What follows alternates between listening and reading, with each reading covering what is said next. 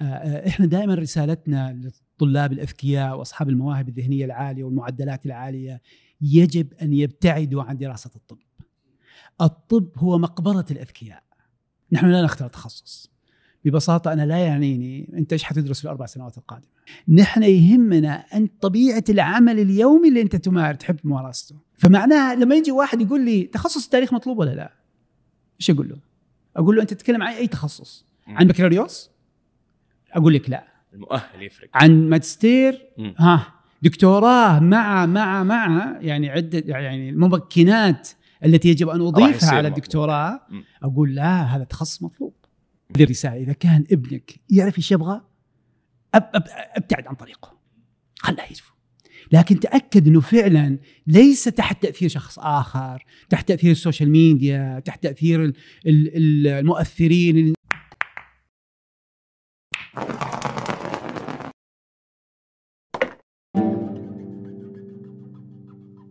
نشكر رعاة هذه الحلقة العرفج للعطور ومقهى ومحمصة شرق على رعايتهم للحلقة. والشكر موصول لتطبيق أقدم تطبيق أقدم تطبيق يساعدك تتعلم كل شيء تحتاجه لإطلاق مشروعك الخاص وباشتراك سنوي واحد يناسب ميزانيتك.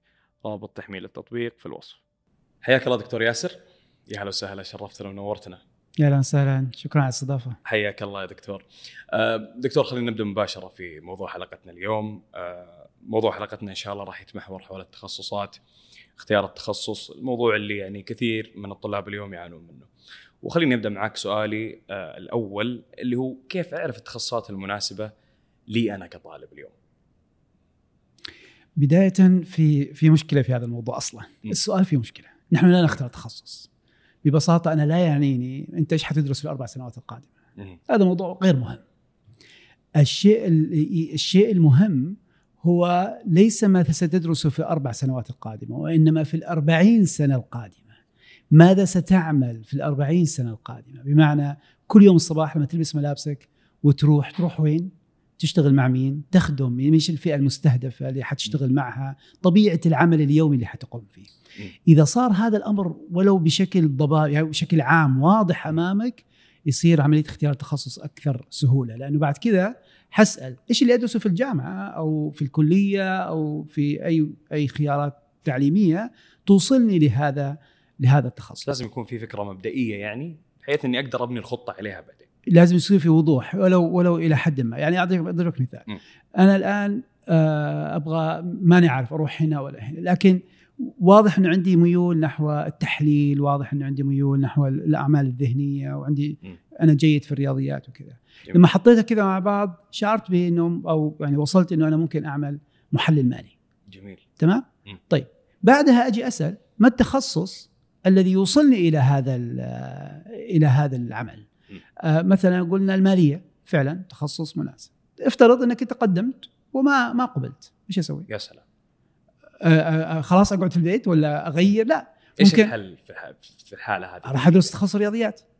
لأنه هذا التخصص يوصلني للعمل في مجال التحليل المالي. آه. ما قبلت أدرس تخصص إدارة أعمال ما قبلت محاسبة ما قبلت إحصاء. كل هذه التخصصات الفكرة وين؟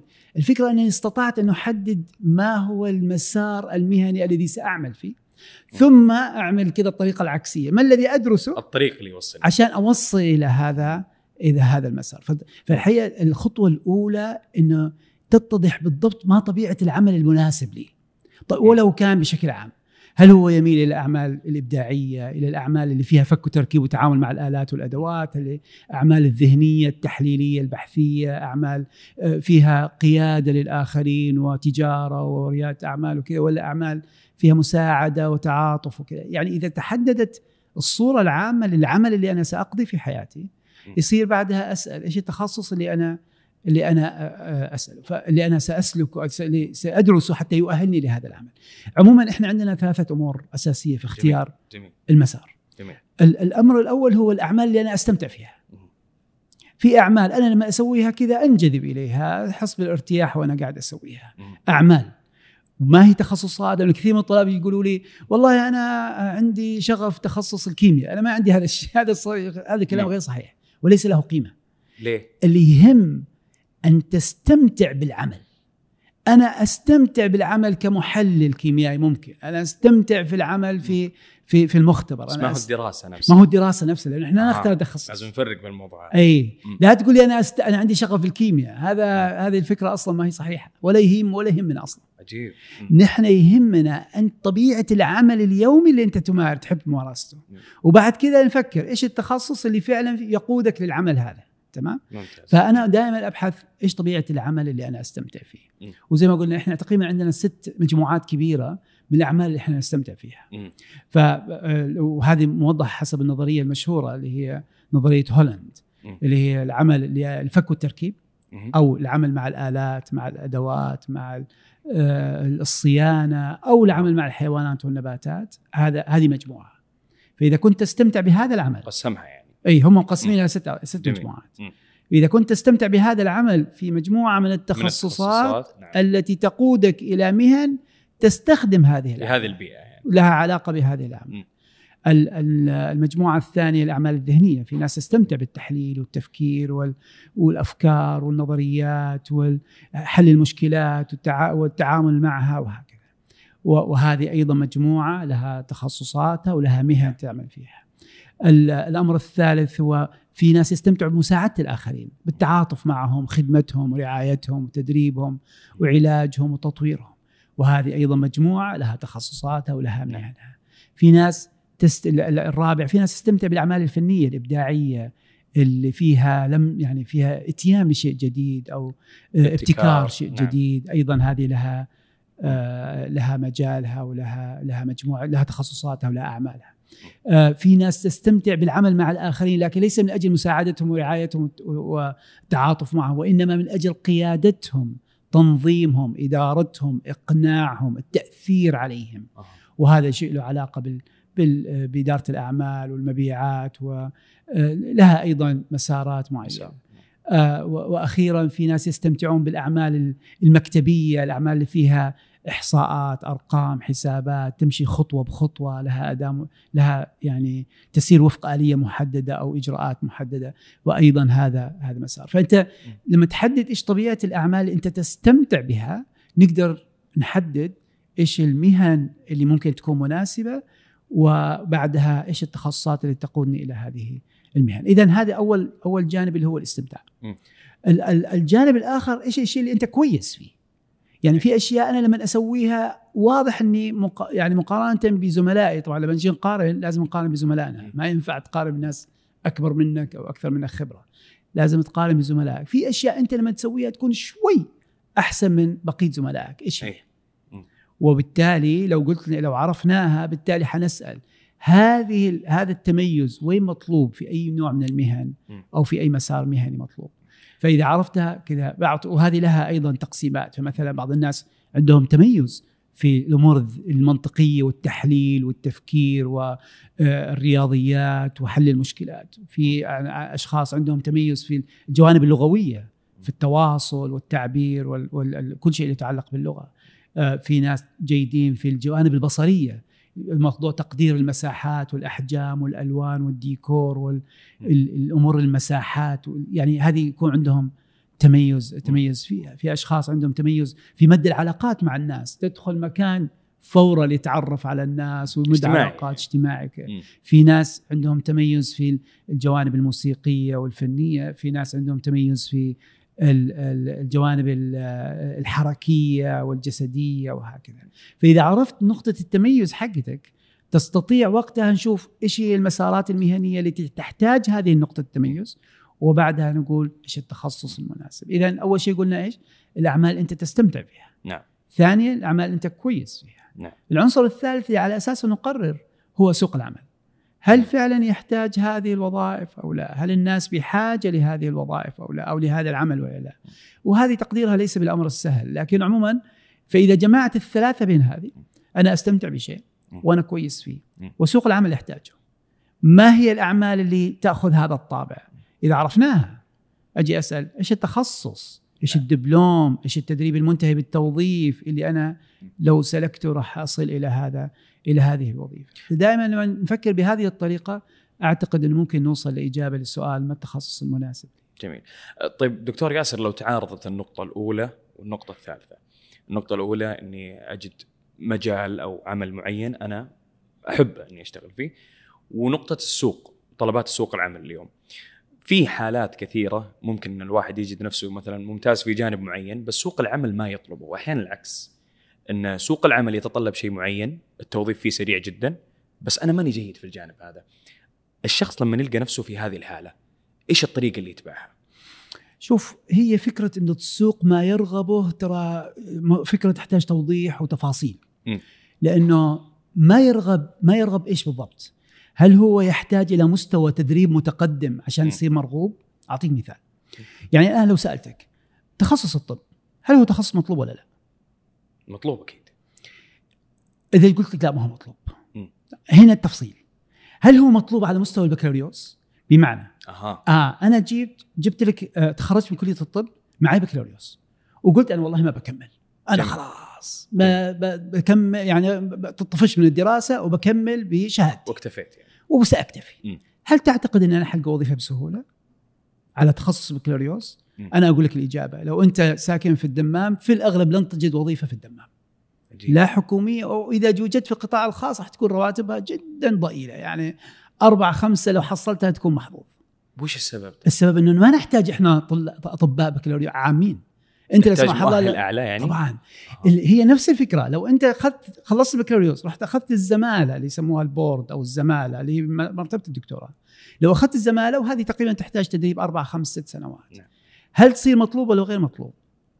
مطلوب جدا مش مطلوب مطلوب جدا فلاحظ إنه مستوى التدريب أو الشهادة أثر على القرار في التخصص نفسه أعطيك مثال ثاني تخصص التاريخ خلينا ما نروح بعيد جميل تخصص التاريخ جميل بكل المعايير وين ما رحت وين ما سألت يقول لك هذا تخصص غير مطلوب ما في ما في نقاش قفلوها نعم. على الناس على. كلها إيه. بل في بعض صحيح. الجامعات بدأت تقفل التخصص صح. آه. طيب إيه. تخيل معي واحد درس تاريخ مم. أربع سنوات. جميل. سافر أمريكا أخذ ماجستير ودكتوراه عادة تكلف تكلف تقريبا ست سبع سنوات. حلو. هذه كم؟ عشر سنوات. عشر سنوات. وخلالها آه اتقن لغة لنقل لنقل اللغة الأسبانية. حلو. وكان متميز فيها. ومع الدكتوراه اللي كانت لها علاقة بالتاريخ الأسباني وأمريكا الجنوبية. جميل. وصار متفحص ومتمحر يعني متبحر فيما يخص مثلا نقل أمريكا الجنوبية والدول المتحدثة باللغة الأسبانية ويعرف عنهم كل تفاصيلها سواء تاريخها وواقعها وسياسيا واقتصاديا وكذا ويتكلم لغتهم. ويعود إلى المملكة الآن هل تتوقع ممكن يلقى شغل ولا ما يمكن؟ أكيد في أكيد. القنصليات والسفارات حيلقى مس... أعمال يعني نعم. جهات كثيرة تتمنى إنه إنه يعمل هو. دارس إيش؟ تاريخ تاريخ نعم سؤال كم. كلف هذه العملية. كرحلة كرحلة كم. كلفت؟ كلفت خلينا نقول 14 سنة تدري دراسة خلينا نقول 14 سنة دراسة حتى. صار يعني أستاذ في هذا المجال. لا يشق له غبار خلينا نقول 14 سنة طيب. تمام ممتاز أنت عشان تصير جراح عظام. أنت عشان تصير جراح عظام ولا جراح ركبة. تعرف كم سنة تحتاج دراسة تقريبا 15 سنة 15 سنة تقريبا 15 سنة يعني عندك. ست سنه وعندك سبع سنوات الطب سبع سنوات وعندك.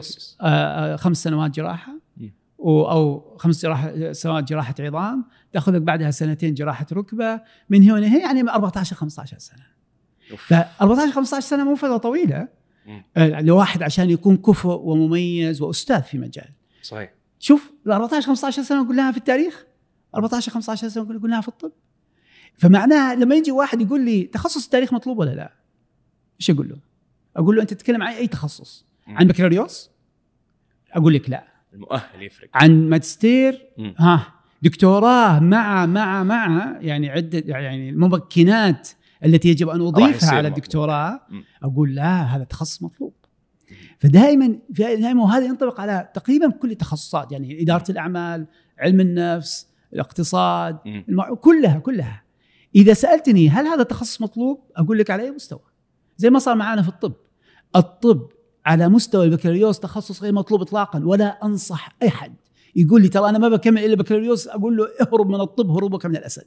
لأنه جدا وضعه الوضع المالي والاجتماعي يعني لو أي واحد من لا سمح الله مرض أخوه ولا ابنه ما راح يأخذه طبيب عام. وإذا أخذه عن صحيح. طبيب عام وقال له خذ الدواء راح يشكك يقول ها ما يثق فيه. آه الثقة. جدا مع يعني. مهزوزة صح. صح. ف وخاصة مع التقدم الطبي اللي حاصل مم. الآن صار ف ف- آه، هي فكرة مرة أخرى لما تسأل تخصص مطلوب ولا مطلوب أجي أسألك على أي مستوى؟ إيش مستوى التدريب اللي أنت متوقع تسويه؟ لأنه إذا كان مستوى آه، بكالوريوس في تخصصات مطلوبة في تخصصات غير مطلوبة لكن إذا قال لك لا أنا مستعد أكمل دكتوراه وأكمل فوقها آه، جهد إضافي زي ما ذكرنا. فوقتها صار تخصص مطلوب صار فهي كلمة مطلوب وغير مطلوب ترى يعني ما هي محددة تحتاج تفاصيل. تحتاج تفاصيل. وتحتاج في تخصصات إحنا عارفين إنها قاعدة تقفل بسبب مش التخصصات وإنما مهن قاعدة تقفل بسبب تأثيرات مختلفة صحيح آه هذه وقتها نقول ترى هذه تخصصات أو مهن أو مسارات ترى يا. جماعة ما لها مستقبل مم. انتبه منها ترى حتى لو أنت اخذت فيها. درجات عليا وتدريب متقدم الذكاء الاصطناعي أو غيره سيقضي عليها فما في داعي إنك تتعب نفسك فيها جميل. لكن آه هذه ممكن فعلا نحكم عليها. بس في ما وهذه ما تشكل إلا نسبة محدودة نسبة من التخصصات. معظم التخصصات يعتمد يعني الآن تخصص التربية الخاصة. من التخصصات اللي دائما يعني يوصم إنه تخصص غير مطلوب وزملائنا خريجين هذا التخصص دائما يشكوا من ضعف. من ضعف ال- الفرص الوظيفية. نعم. لكن إحنا نعرف إنه لو أنت اخذت تربية خاصة سافرت إلى دوره متقدمة وأخذت تخصص في التوحد متقدم. وطورت بعض المهارات الإضافية آه ستجد فرص وظيفية كثيرة آه إحنا نعرف إنه آه كثير من الآباء مستعد لدفع مبالغ كبيرة لمساعدة ابنه اللي عنده مصاب. بالتوحد أو فرط الحركه وتشتت الانتباه وغيرها نعم. ولا يجد في شكوى من الأسر وأنا قريب من هذا المجال في شكوى من الأسر من قلة المتخصصين فيه تخيل. في شكوى من الأسر من قلة المتخصصين البارعين فيه وقلة المراكز المتخصصة المتميزة فيه. فعشان بس نوضح الصورة إنه أحيانا تحت الفكرة في مستوى التدريب اللي أنت حصلت عليه. ومدى تميزك الشخصي في هذا المجال. جميل. طيب دكتور ياسر آه، عندك أحد الكتيبات يتكلم عن أكثر التخصصات المطلوبة بالتوافق مع رؤية المملكة 2030 إيش أبرز التخصصات هذه اليوم؟ شوف رؤية الم- المملكة 2030 هي تشكل مستقبل سوق العمل المحلي في المملكة. ممتاز. إذا كن- كنا أردنا أن نقرأ أين التوجه الذي سيسير إليه سوق العمل يجب أن ندرس رؤية المملكة لأن هي الاستراتيجية التي تحدد هذا ال- الخطة. هذا المسار. وإحنا لما جلسنا درسنا هذا بدينا يعني نفكفك العناصرها ونشوف وين توجهاتها تقريبا يعني ظهر ظهر لنا عشرة آه، عشرة مسارات آه، أو عشر مسارات هي الأساسية في في هذه الرؤية. م. آه، الرؤية آه، تدعم مجال آه، الاتصالات تقنية المعلومات. بشكل واضح. تدعم مجال التعدين. المملكة تذ- تزخر ب- بعدد هائل من المعادن ذات التي يمكن تضيف للاقتصاد الوطني نعم. بشكل كبير. آه، تهتم أيضا بالسياحة والترفيه والرياضة وهذا أمر ظاهر لدينا في أمامنا في هذه الأيام. آه، أيضا تهتم بالمجال تطوير القطاع الصحي والقطاع التعليمي. وهذا أيضا يعني هناك حراك كبير في ال- في هذين القطاعين آه، لتحسين جودة جودة العمل. فيها فالمتخصص في تطوير القطاع وليس في في القطاع وإنما تطوير القطاع وتقليل آه، التكلفة وتحسين الجودة هذا عملة نادرة هذه نعم. الأيام. آه، أيضا مجال التصنيع العسكري أنت تعلم إنه. اهتمام كبير في اهتمام صحيح. كبير في هذا في هذا هي المجال أنشأت قريب إن هي الصناعات العسكرية الآن. يعني في في في توجه في حراك كبير صحيح. في هذا في هذا الاتجاه آه، أيضا موضوع النقل والإمداد وسلاسل الإمداد واللوجستيات أيضا نعم. من مجال من المجالات تتجه له يعني تعزز المملكة مكانتها العالمية نعم. آه، في هذا المجال القطاع المالي أيضا يحظى باهتمام كبير آه، هذه الأيام وهناك رؤية حقيقه طموحة في في شيء له علاقة بال- بالتقنية المالية وغيرها فتقريبا هذه المجالات اللي آه، اللي تتوافق مع رؤية المملكة ويفترض أي طالب آه، أن يدرسها بشكل جيد ويتأكد أن يكون قريب منها بشكل أو بآخر. طيب دكتور ياسر ال- اليوم الطالب يقضي تقريبا 12 سنة خلينا نقول من الابتدائي لين ثالث ثانوي نشوفهم بعد 12 سنة بعد ما يخلص مسيرته الدراسية ما يدري إيش التخصصات الجيدة ما يعرف إيش ميوله ما تتوقع إنه المفترض يكون في مبادرة من من الجهات الحكومية؟ سواء المدارس أو وزارة التعليم بشكل عام إنها تعطي دورات معينة تفيد فيها طلاب من الجانب هذا؟ والله يا أخي كريم أنت لمست جرح عميق لأنه حقيقة هذا هذا الم ألم كبير قاعدين نعيشه بشكل مستمر. يعني أنا أجلس مع طلاب الثانوي بشكل متكرر. آه ما أبالغ إذا قلت بشكل يومي يعني. ف آه يعني للأسف لديهم يعني يعني ضعف كبير في فهم سوق العمل في كيف يتخذ القرار أصلا في الفرص التعليمية اللي الآن صارت متاحة بشكل ممتاز. ففي تحدي كبير آه، في في هذا الأمر. وخاصة لما تقارن نفسك بدول دول متقدمة. آه، يعني تخيل في منصات للإرشاد المهني ورفع الوعي المهني موجهة لطلاب الابتدائي. بل لطلاب الروضة. من الابتدائي. من الابتدائي. يعني دائما يفهمهم إيش يعني سوق عمل، قيم العمل، أهميته، المثابرة، اتخاذ القرار، المهارات الناعمة، تغرس في الطالب من وقت مبكر. طبعا تغرس هذه هذه الأمور وليس إجراء مقاييس للطلاب كما هو شائع. يقولون في أمريكا من طالب من سادس ابتدائي يحددوا له مساره، هذا كلام ليس صحيحا.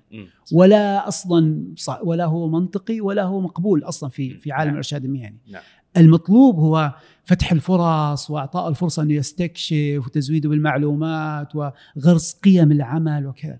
فهي في في قصور كبير في هذا الجانب. يعني من فترة أنا نشرت كتيب ولعله يعني ينش تنشرونه في ملاحظات الحلقة اسمه التجربة البريطانية في الإرشاد المهني في المدارس العامة. تخيل في في بريطانيا ما تقدر تفتح مدرسة إلا يكون فيها مرشد مهني.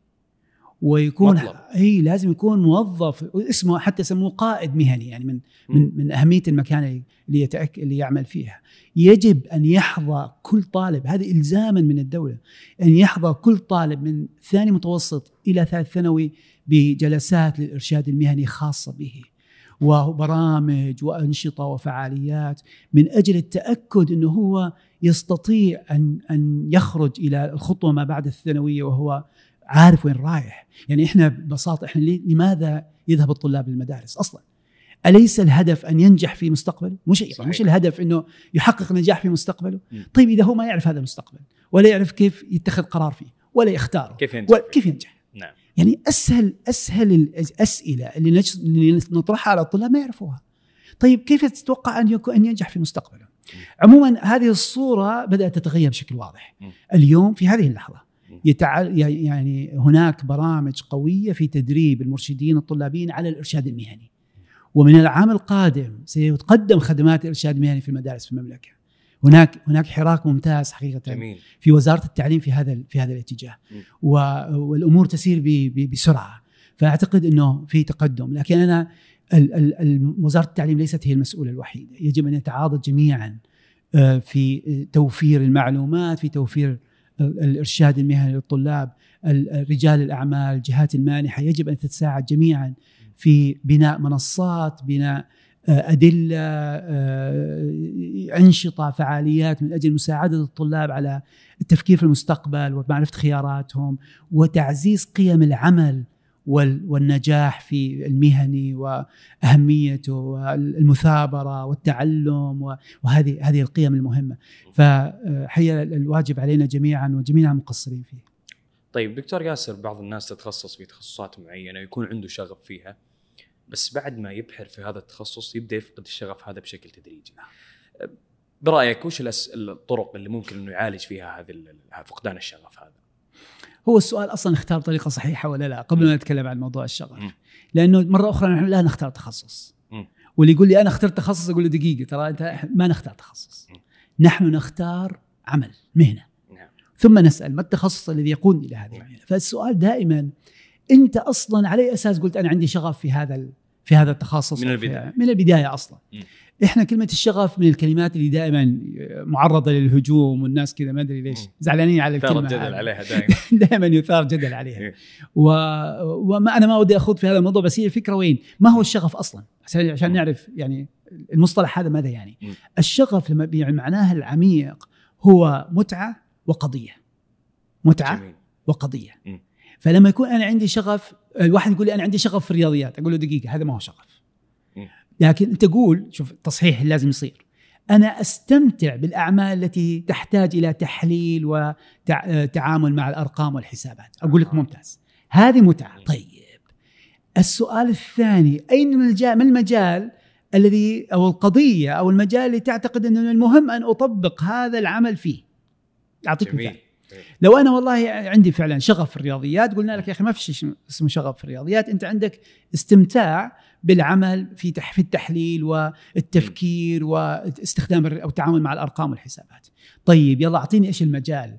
قد واحد يقول لك والله أنا المالية أنا أستمتع في يعني في في التعامل مع الأرقام والحسابات في مجال المالية أو في مجال الإحصاء أو في مجال الأكتوري أو في مجال فدائما لازم نعمل هذا الربط ما بين ال- العمل اللي أنا أستمتع فيه وأيضا أين سأطبق هذا العمل في أي مجال عند إذا اكتشفت هذا الشغف تكون أمورك أمورك تمام. غالبا طلاب الثانوي ما عندهم القدرة أن يوصلوا لهذا المستوى المتقدم من التفكير يعني. ففي مو دائما لكن في في معظم الحالات، إحنا إيش في الحاله هذه نسوي؟ نسوي نقول خلينا نركز على الميول أكثر. أنت الآن ادرس الشيء الذي يقودك إلى مهنة تطبق فيها ميولك وبعدين ستكتشف آه، الشغف حقك لكن في طريقة أيضا جميلة يمكن للك- يعني للمتخرجين أو الموظفين في اكتشاف الشغف. دائما إحنا نس- نستخدمها في جلسات الإرشاد. دائما نسأل الطالب أو ال- الموظف أنه تخيل اتصل فيك البنك وأنا أنا أطرح عليك نفس السؤال. جميل. اتصل لو تخيل إنه اتصل عليك البنك وقال لك يا شيخ سيف ترى إحنا اكتشفنا إنه لك جد ثري. مم. ثري جدا ومات. جميل. وإحنا تولينا توزيع التركة حقت هذا الجد وأنت من التركه الكبيره هذه طلع لك عمارة. العمارة هذه دخلها في الشهر أربعين ألف. مم. وهذه إحنا يعني إحنا البنك وإحنا المسؤولين ننزل في حسابك كل شهر أربعين ألف. مم. لا ممنوعة ولا مقطوعة. جميل. أمر مستمر إلى آخر يوم في حياتك. مم. تمام؟ جميل. وفعلا أنت فرحت وتأكدت إنه ما هو مقلب من من الشباب. وخلاص فعلا ثبت إنه البنك راح ينزل في حسابك أربعين ألف كل شهر. مم. هذا ماذا يعني؟ معناه أنت القضية المالية لأنه أربعين ألف يعني تكفي يعني إنك تعيشك أنت وأسرة صغيرة أكثر من يعني أعلى من الحد الوسط يعني جميل تمام؟ ما القرار المهني التالي ثاني يوم خلاص أنت فرحت نمت مم. ثاني يوم إيش حتسوي؟ ما القرار المهني الذي ستقوم باتخاذه؟ طبعا هنا أنا طرحت السؤال هذا على عشرات الناس. فتجيني تجيني إجابات مختلفة، واحد يقول والله أروح أقدم استقالتي وأرميها في وجه المدير فورا. أقول له إيه خلاص وفي واحد ثاني يقول أقول له طيب ممتاز مم. استقلت حتقعد في البيت يعني أصلا أنت لو قعدت في البيت وست أشهر وكذا ما تسوي شيء حيجيك اكتئاب وبعدها ما حتقدر. طيب إيش حتسوي؟ استقلت إيش حتسوي؟ طبعا في بعض الناس للملاحظة في بعض الناس قالوا لا أنا حواصل في الشيء اللي أنا أسويه أقول له واو أنت رائع. تواصل حتى لو أنت مانك محتاج راتبه حيقول لك إيه؟ لأنني أنا أستمتع ولأنني أنا أؤمن الشيء اللي أنا قاعد أسويه مهم وله قيمة. جميل. هذا هو الشغف. إيش الشيء اللي أنت تستمتع بعمله؟ وتعتقد أنه مهم وذو قيمة ومستعد أن أعمل فيه ولو بدون راتب. إذا استطعت أن تجيب على هذا السؤال وهو ما هو الإجابة ما هي سهلة. إذا استطعت أن تجيب على هذا السؤال فأنت اكتشفت شغفك. إذا قلت لي والله أنا بستقيل ممتاز. وين بتروح؟ قال واحد من الشباب قال أنا بس بفتح مصنع. قلنا له ممتاز. مم. إيش طبيعة العمل اليومي الذي ستقوم فيه في المصنع؟ تمارسه في المصنع نعم. واحد. اثنين إيش المجال حق المصنع؟ مم. ثلاثة إيش القيمة المضافة اللي أنت تتميز فيها؟ يعني عندك ميزة تنافسية تميز فيه. سيكون يعني ستضيفه لل- للعمل وبالتالي تتأكد إنه سينجح لأنه ما حتفتح مص- مصنع بعد سنة تقفله. والله خسرنا يعني صحيح. افترض انك نعم. تسوي شيء في ميزة تنافسية بالنسبة لك. يعني أنت مميز مم. فيه تضعه في هذا العمل حتى تأتي بنتائج قي- جيدة يعني. صحيح. فهنا هنا الفكرة. إذا استطعت مرة أخرى عشان بس أضعها في في شكل واضح. جميل. أن تعرف ما هو العمل الذي تستمتع به. وبنفس الوقت تعتقد أنه مهم. وذو قيمة يعني بعض الناس مثلا يعتقد تربية الأطفال هذه في أمر في غاية الأهمية. واحد يعتقد إنه العمل الاقتصادي وتنمية الموارد الاقتصادية في البلد هذا أمر في غاية الأهمية واحد. يعتقد إنه الجوانب المالية في الشركات لو استطعنا فعلا إنه نحفظ شركة من الإفلاس إحنا حمينا ألف أسرة من ال. من ال- الضرر مثلا. واحد يقول أنا موضوع تدريب القيادات الشبابية هذا شغف بالنسبة وهكذا م. فبس ما يكفي إنك تحدد المجال يجب أن تحدد أنت إيش الطبيعه العمل اليومية اللي حتقوم فيها.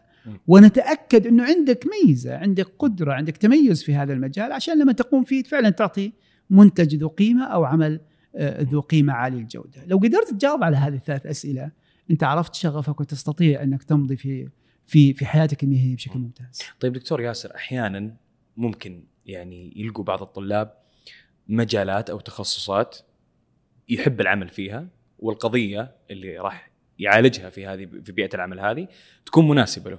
بس أكثر من تخصص ينطبق عليه هذا الموضوع.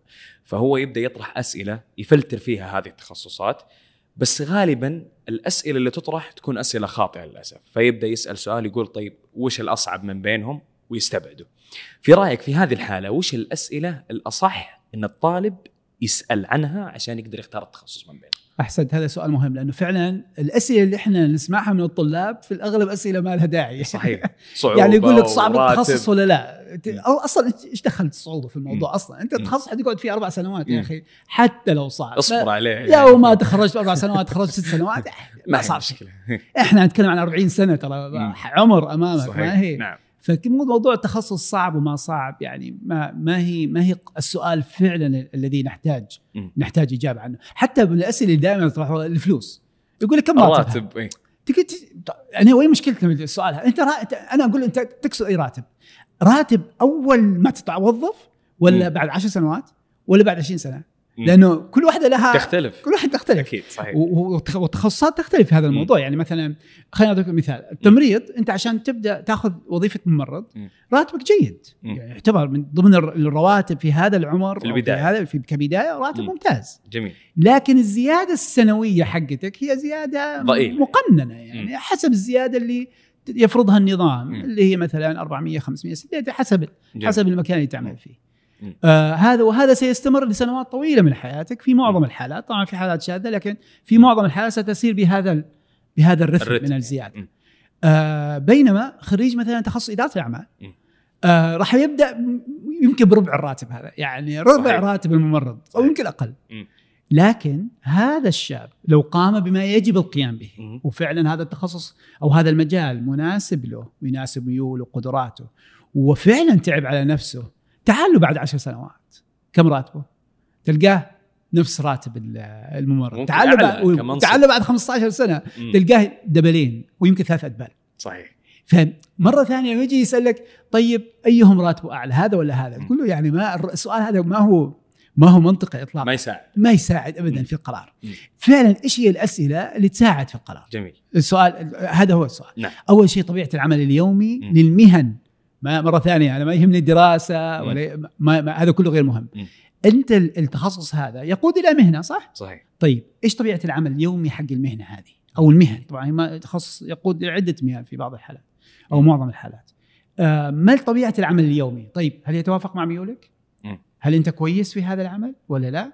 إذا الأمر تحد تأكدنا منه السؤال الثالث هل سوق العمل تتوقع في المستقبل؟ يحتاج هذا الأمر. الشركات تحتاج هذه المهنة ولا لا؟ الحكومة الناس الشركات تحتاج هذا هذا العمل ولا لا؟ هذا السؤال الثالث. السؤال الرابع في في كذا فلتر لطيف أحب إنه نسأل عنه هو العمل ال- freelancer العمل المستقل. الحر. في بعض العمل الحر. مم. في بعض التخصصات تقود إلى مهن تقدر تشتغل لحسابك الشخصي. ما صحيح. تحتاج أحد يوظفك. نعم. بينما في تخصصات تقود إلى مهن لا لازم تتوظف. أعطيك مثال. مم. إيش الفرق بين تخصص العلاج الطب- الطبيعي والمختبرات تخصصين طبيين نعم والناس تحب التخصصات الطبية لأنه لها زخم ولها يعني. آه، تلامس شيء مهم من حياة الناس صحيح. صحة الإنسان صحيح. آه، في هذه النقطة هنا الفلترة مهمة مم. فإحنا وبشكل عام إحنا نحب التخصصات اللي تقود لعمل تساعدني إن أشتغل بشكل حر أو. بشكل مستقل يعني لأنه ما أحتاج أحد يوظفني بعد مم. كذا طرحوا وظيفة ما طرحوا وظيفة براحتهم صحيح أنا أقدر أشتغل بشكل شخصي هنا ال- ال- النقطه تروح للمختبرات ولا للعلاج الطبيعي العلاج الطبيعي العلاج الطبيعي.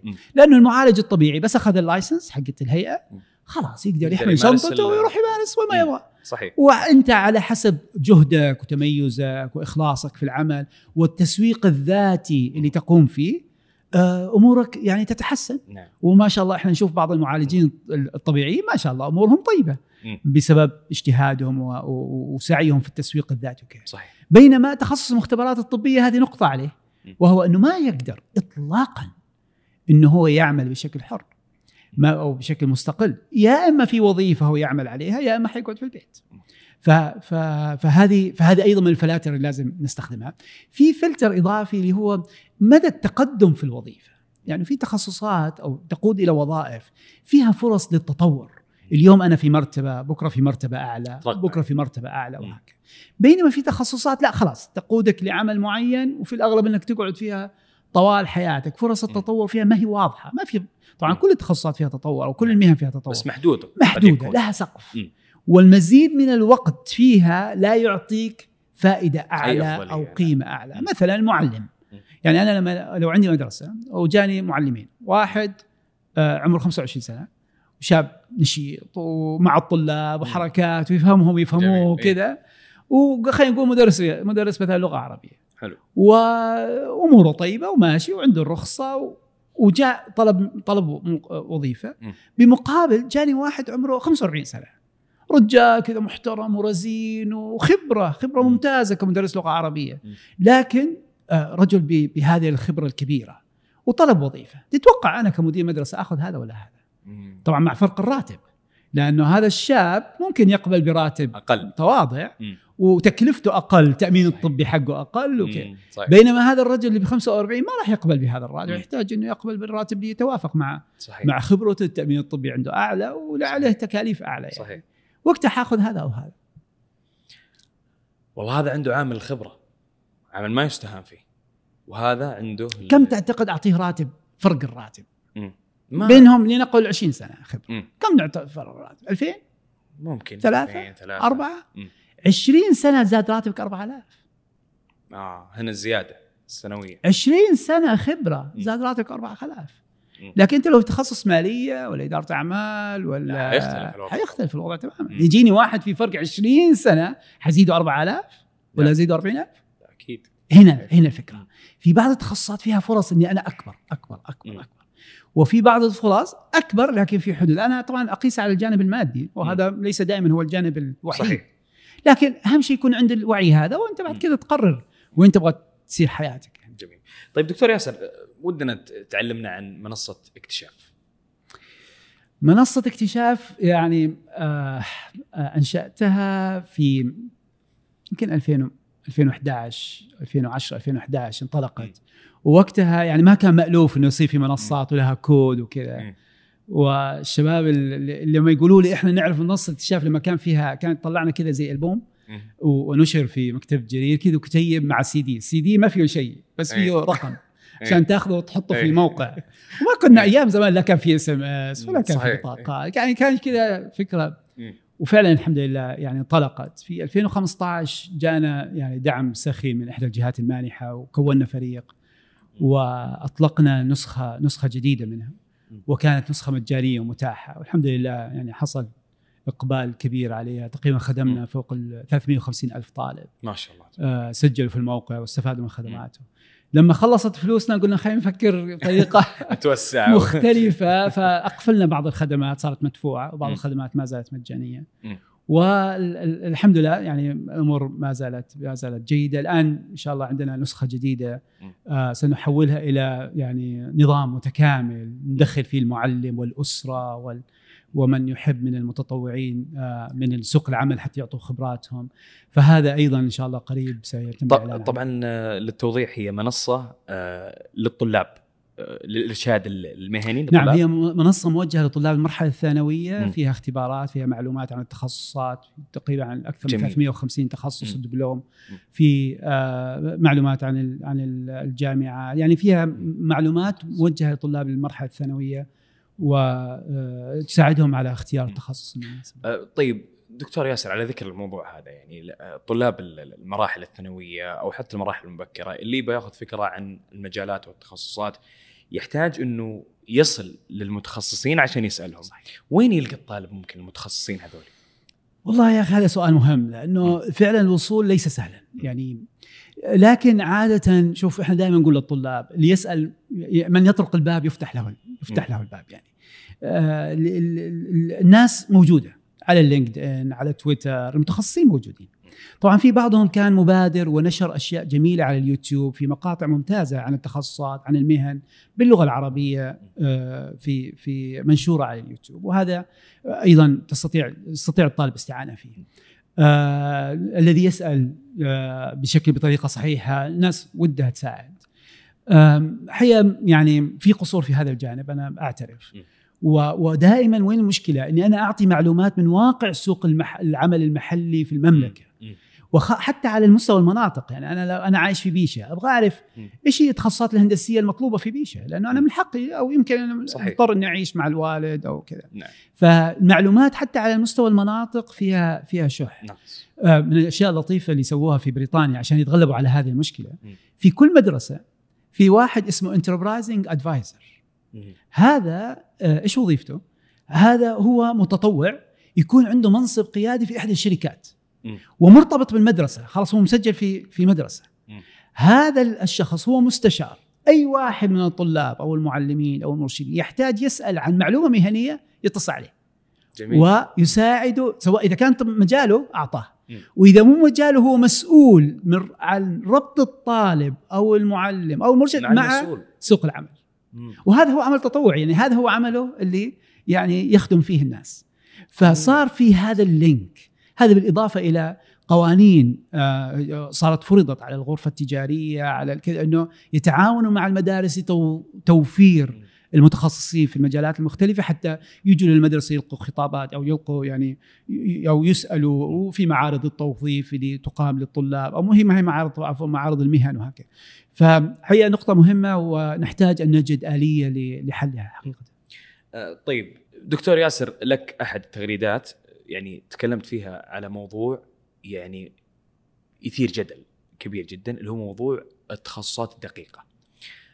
تكلمت في التغريدة إنه لا تنصح الطلاب إنهم يدخلون التخصصات الدقيقة. في وجهة نظر تقول لك إن السبب الموضوع هذا إنه متخصص بشكل كبير جدا وممكن يضيق عليك آه، مجالات العمل وفي وجهة نظر مختلفة تماما يقول لك بالعكس أنت عندك أولوية في العمل في هذا المنصب أكثر من غيرك فودي أعرف منظورك للتخصصات الدقيقة. طيب أول شيء خلينا نقسم التخصصات لثلاث أقسام. جميل. دي واحد يكون الصورة الصورة تكون واضحة. م. في أنا عندي تخصصات عامة والمقصود بالتخصصات العامة أنها تجهزني لطيف واسع من المهن م. في عدد من الوظائف أو عدد من القطاعات. م. زي مثلا الهندسة برمجة الحاسب اللغة الإنجليزية إدارة الأعمال. هذه توفر لي فرصة أني أنا أدخل لعدد من التخصص عدد من المهن في قطاعات مختلفة في شركات مختلفة صحيح هذا النوع الأول، النوع الثاني هو تخصصات مهنية. اللي هي إيش يعني؟ تخصصات تقودني إلى مهنة محددة. م. فأنا لو درست تمريض في 90% من الحالات أنا حأشتغل ممرض. لو درست آه، معا... علاج طبيعي في 90% من الحالات ان أنا أشتغل معالج طبيعي وهكذا. نعم، فهذه تخصصات في واضح ارتباط بينها م. وبين المهنة اللي حمارسها بعد التخرج. النوع الثالث هو التخصصات الدقيقة اللي تقود إلى يعني طيف محدود من ال آه، آه، من؟ التخ... من ال... لا هي ما هي مهن محددة وإنما فرصها الوظيفية محدودة. آه. يعني أنا الآن بعض الجامعات فتحت تخصص إدارة الطيران. م. سؤالي كم كم شركة طيران عندنا في المملكة؟ آه صحيح. خمسة. عشرة خمسة عشر؟ قليلة جدا. محدودة. م. ففي النهاية لما أجي أتقدم آه، إحنا عندنا مشكلة عندنا مشكلة في عدد الشركات وعدد الفرص الوظيفية وأيضا في حقين الموارد البشرية. أحيانا حقين الموارد البشرية هو أصلا ما شاء الله عنده يعني عدد كبير من المتقدمين. وناس من متخصصات مختلفة. ما يلاقي إدارة طيران.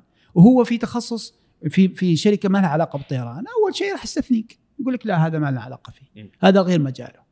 فلهذا أنت حددت فرصك في عدد محدود. هذا هذا تخصص هذا الأمر ينطبق على تخصص مثلا الهندسة الوراثية. كثير من الطلاب عندهم حماس يقول لك الجينات و...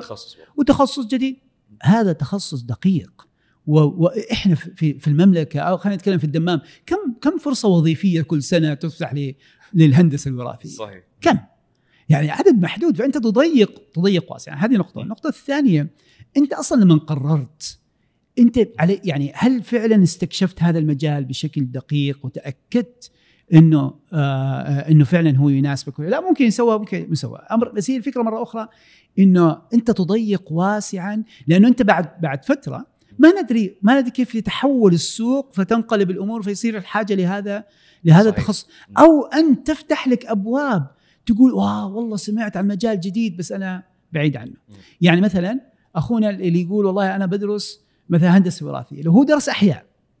وأثناء الدراسة بدأ يستكشف مجالات الأحياء الواسعة والكثيرة ويقول لا أنا بروح هنا لا أنا بروح هنا. وبعد كذا درس ماجستير ودكتوراه في وقرر فعلا يروح هندسة وراثية. خلاص بعد أربع سنوات صارت الصورة أمامه واضحة. هنا يستطيع أن يقرر وهو مطمئن ويتأكد انه السوق راح يقبله وأنه هذا المجال مناسب له وكذا.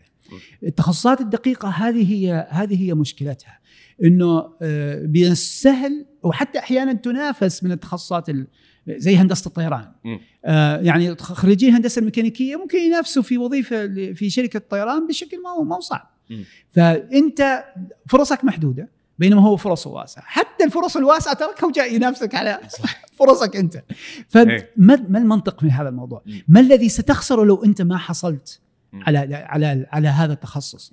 يعني ممكن تخسر في ريسك عالي في خطورة عالية من أنك تدخل في مجالات دقيقة بالعكس أحيانا حتى لو يجيني طالب يقول لي والله أنا مهتم بالموارد البشرية وفعلا شفنا حسب ميوله وقدراته يناسبه الموارد البشرية تعرف أنا إيش اعطيه نصيحة مم. أقول له لا تدرس موارد بشرية لا إيه. تدرس ادرس إدارة أعمال لأنه إدارة الأعمال راح تعطيك رؤية عن البزنس. والشركات وكيف تسير الشركات وكذا. لما تجي الماجستير خذ ماجستير مواد بشرية خذ آه. شهادات احترافية حق مواد بشرية وبالتالي تستطيع أن تدمج بين الاثنين فتصبح نقطة قوة بالنسبة لك وليس فقط انه على فكرة هذا موضوع الخلطات ال- ال- الأكاديمية هذه لطيفة لأنه. إذا كنت كل- ما استطعت إنك تبدأ بداية واسعة وتذهب أكثر تخصصية كل ما استطعت. انك إنك تبني أسس واسعة ويعني أسس قوية في مجالات معينة أو تطور مهارات مطلوبة فرص أفضل وفرص أفضل يعني أعطيك مثال لو جاني واحد عملنا له ميول وقدرات فعلا يناسبه آه، إدارة أعمال. هو رجل فعلا حق بزنس وكذا. وكان جيد في المهارات ال- المنطقية المهارات التحليلية وكذا تعرف النصيحه اللي أقول له. اياها روح ادرس هندسة لا تدرس لا تدرس إدارة أعمال ادرس هندسة ليش؟ مم. لأنه دراسة وأنا أقول له ترى أنت مالك مهندس جيد ترى ما ما تنفع لكن إيه. برضو ادرس هندسة. ليش؟ لأنه الهندسة تطور لديك مهارات في التحليل والتفكير المنطقي واتخاذ القرار المهارات اللي يقوم عليها السوق بشكل ممتاز هذه نقطة والنقطة الثانية تعطيك خبرة في أسس آه، أساسية في العمل التقني والصناعي وال- والمجالات هذه اللي هي فيها مجال business ضخم جدا. وبالتالي لما هو يخلص هندسة ياخذ ماجستير MBA اللي هي ماستر اللي هو نقطة إدارة ما الأعمال. بين إدارة الأعمال. وقتها تت... وقتها عنده فرص يدخل في المجال الإداري ويتميز ويعطي ويعطي عطاء ممتاز لأنه هو جمع بين الحسنين بين الجانب التقني صحيح. الهندسي الصناعي ال- سواء بغض النظر عن المجال مم. وجمع بين الجانب الإداري, الإداري، نعم. والأهم من ذلك طور مهارات يريدها السوق معروف المهندسين بقدرتهم على التفكير المنطقي المرتب العقلية المنظمة هذه مم. فلو استطاع أن يجمع بينها طبعا ما, ما تناسب كل الناس هذه النصيحه تناسب بعض بعض الناس اللي زي ما قلنا عنده.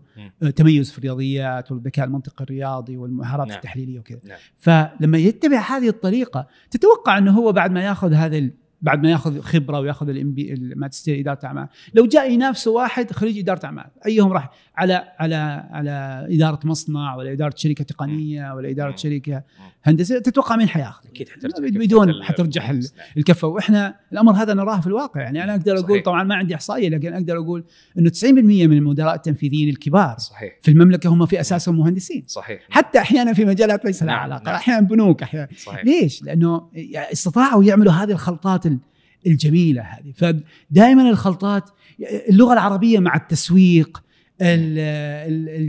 ال graphic design مع التسويق. لما تعمل هذه الخلطات ال- التعلمية اللي في بداية حياتك وتأسس نفسك بطريقة صحيحة بعدها لما تيجي سوق العمل تصير أكثر جاذبية له. جميل جميل. آه، طيب دكتور ياسر وش المعايير اللي يقيس عليها الطالب آه، توفر فرص العمل من عدمه في مجال معين؟ أحسنت يعني زي ما ذكرت قبل شوي إحنا عندنا ف- مشكلة في الإجابة على هذا السؤال عشان أكون. معك واضح يعني قراءة سوق العمل والفرص وكذا يعني ما هو بالأمر السهل نعم طبعا أنا عندي معايير يعني أنا عندي التوجه العالمي. ونحن نعلم أن التوجه العالمي في سوق العمل متجه للتخصصات التقنية الصناعية بشكل عام. ال STEM اللي يسموها ال- ال- ال science و technology. والتخصصات الإدارية المالية القانون. هذا توجه عالمي متفق أنه هذا ماشيين في هذا الاتجاه. عندي توجه محلي زي ما ذكرنا في رؤية المملكة 2030 عندنا آه، ممكن أنا أطالع آه، منصات التوظيف أشوف آه، إيش الإعلانات الوظيفية اللي قاعد تنزل بشكل متكرر؟ وإن كان هذه ما هي ما هي معيار لأن إحنا نعرف انه 50% من الوظائف تكاد ما ما يتم الإعلان عنها أصلا. صحيح. آه فعندنا بعض بعض المؤشرات. دائما قياس حاجة الشركات حاجة الناس حاجة ال ال ال إلى هذا التخصص إلى أي درجة هو فعلا أو هذه المهنة إلى أي درجة الناس تحتاج إليها. سؤال المتخصصين ممكن يساعد كثير في في قراءة هذا الأمر. كل منطقة أيضا لها فيها مهن تناسب في الدمام في مهن مرغوبة أكثر من الرياض وهكذا. أيضا هذه يجب أن تؤخذ في الاعتبار. يعني ما, ما في إجابة كذا آه، جاهزة؟ صريحة يعني. لكن آه، آه، لكن ممكن الواحد يوصل لبعض بعض الرؤى مرة أخرى مستوى التميز في أدائك يلعب دور كبير في في فرص الوظيفية. زي ما قلنا في تخصصات توصل أنها غير مرغوبة في السوق. لكن لو واحد لعبها صح عمل عمل كذا خلطات معينة واستطاع أن يطور نفسه بشكل بشكل جيد وأخذ التدريب المطلوب أو الشهادات المطلوبة سيكون مرغوب وسيكون مطلوب في في سوق العمل بلا شك. جميل. طيب كيف يكون دور الأهل دكتور ياسر في توجيه الأبناء لاختيار التخصص؟ والله دور دور الأهل دور مهم جدا لأنه آه يعني إحنا شفنا حالات كثيرة لأهل وقفوا في طريق ابنهم صحيح. في مسار كان واضح إنه هو مناسب له كان كذا يعني مفصل عليه بشكل ممتاز. وفي أهل في المقابل لعبوا لعبوا هذا الأصل إنهم لعبوا دور إيجابي بشكل ممتاز. إحنا دائما عندنا رسائل محددة للأهل. واحد قدم الدعم خليه يستكشف. لا تست... وبشكل مبكر. يعني أنت من من البداية وأنا نشرت حقيقة كتيب ودي يصل للناس اسمه ماذا تقول لابنك وأنت توصل إلى المدرسة؟ ماذا تحدث تحدث معه وأنت توصل إلى المدرسة؟ وهذا نحن نسميه الحوار المهني بين الآباء والأبناء. ولعله لعله نذكر رابط هذا الكتيب في في في الحلقة. جميل. الفكرة إنه من المبكر لازم تبدأ تتحدث مع ابنك. تقول لهم إيش يعني سوق عمل؟ إيش يعني مهارات؟ إيش الفرق بين الناس يشتغلوا في مطعم ولا بنك ولا مستشفى ولا إثارة هذا الحديث ترى أول شيء الأبناء يتحمسوا له. لأنه هو شيء يشوفوه وما هم عارفين إيش اللي صاير. وخاصة بعدين نربطه بالفلوس عشان شوية يعني كمان لازم عشان أنت تعرف ليش واحد راتب ياخذ راتب 4000 واحد ياخذ يصير في اهتمام مباشر. اي فيصير. واو. أنا كيف أصير أخذ راتب؟ بالضبط فدائما نتحدث عن عن عن مع الأبناء بشكل مبكر. آه كان دائما أذكر ابني عمر الله يحفظه يعني كان يقول لي أنا أبغى أصير شرطي بس مو الشرطي اللي يحط ال ال الناس في السجن لا الشرطي اللي ينظم السير حق آه. محدد يعني. محدد يعني شوف شوف الوعي بدأ يتشكل الوعي المهني هذا. آه فكل ما يتقدم بالعمر يصير وعيه أفضل يصير. فالحوار مع الأبناء جدا مهم. وفي أسئلة معينة ستجدها مكتوبة في ممكن تطرحها على الابن وبالتالي يبدأ هو يبدأ يستكشف عالم المهن والتخصصات وهكذا. هذه هذه نقطة مهمة. النقطة الثانية تقديم الدعم. أقول له شوف هذه حياتك. أنا مسؤول إني أقدم لك كل الدعم عشان تنجح فيها. أنت قول لي إيش أسوي وأنا جاهز. فتقديم الدعم الاستماع طرح الأسئلة مش بشكل هجومي وإنما بشكل نفكر مع سوا. أنت ليش اخترت هذا التخصص؟ هل فعلا يناسبك؟ إيش المهن اللي يشتغل واحد بعد ما يتخرج منه. المهن هذه فعلا تناسب ميولك. هل أنت تستمتع بالعمل هذا ولا لا؟ أنت كويس؟ تشوف نفسك كويس في هذا الشيء ولا لا؟ طبعا أسلوب الطرح السؤال مهم لأنه بعض الناس يقول أنت يا أخي ما تنفع يا أخي أنت إيش جابك؟ يعني يحطم على طول. يحطم على طول. بينما لما تطرح بسؤال بطريقة مختلفة يعني لها نبرة الصوت تلعب دور إنه فعلا بشكل داعم وبعدها أيضا دور مهم للأب هو توفير المتخصصين عشان الابن يسأل. لما قبل شوي كنا نتكلم عن موضوع المتخصصين. لما يقول والله ابني يقول والله أنا أفكر بتخصص المالية. أقول له دقيقة أنا أعرف إنه لي صديق يعرف واحد متخصص بالمالية. إيش رأيك أرتب معاه اتصال أبو خمس دقائق جميل. تساله عن هذه الأسئلة. طبعا بعض الآباء يقوم بهذا العمل لكن بطريقته الالتفافية اللي هو يبغى إيش يسوي؟ يروح يشوف واحد من اصدقائه يبغى يقنع ابنه بتخصص معين يروح يشوف واحد من الناس الناجحين الأثرياء الكذا. خليه يمدح أيوه وشوف شوف سيارته شوف بيتهم شوف كذا. كله عشان يعمل دفع للابن إيه؟ في في مسار واحد. وهذا يعني قد يكون صح قد ما يكون صح. يعني أقصد كطريقة أكيد ما هي صح لكن ال- ال- العواقب وخيمة أحيانا. فأحيانا آه، تقديم الدعم هذا جدا مهم آه، أنت مختلف عن ابنك لا تحاول تحقق طموحاتك عن طريق هذا. هذا الولد تقول والله أنا كان ودي أدخل تخصص أنا اكتشفت إنه هذا وإذا كان. لك صديق مميز في تخصص مو معناه إنه ابنك راح يصير مميز في هذا التخصص يعني مم. هذه لازم أشياء لازم تكون آه، حاضرة في في أذهان الأب أحيانا زي ما قلت لك الأب يقف عقبه كذا. يعني يعني أنا أذكر اتصل فيني أحد الاباء أحد الأصدقاء يعني. يقول لي ابني متميز وقدراته الذهنية متميزة وما أدري يا أخي طلع لنا يبغى يدرس شريعة. وإحنا نقول له الطب أحسن وهو في فرص أفضل وهو مصر على الشريعة.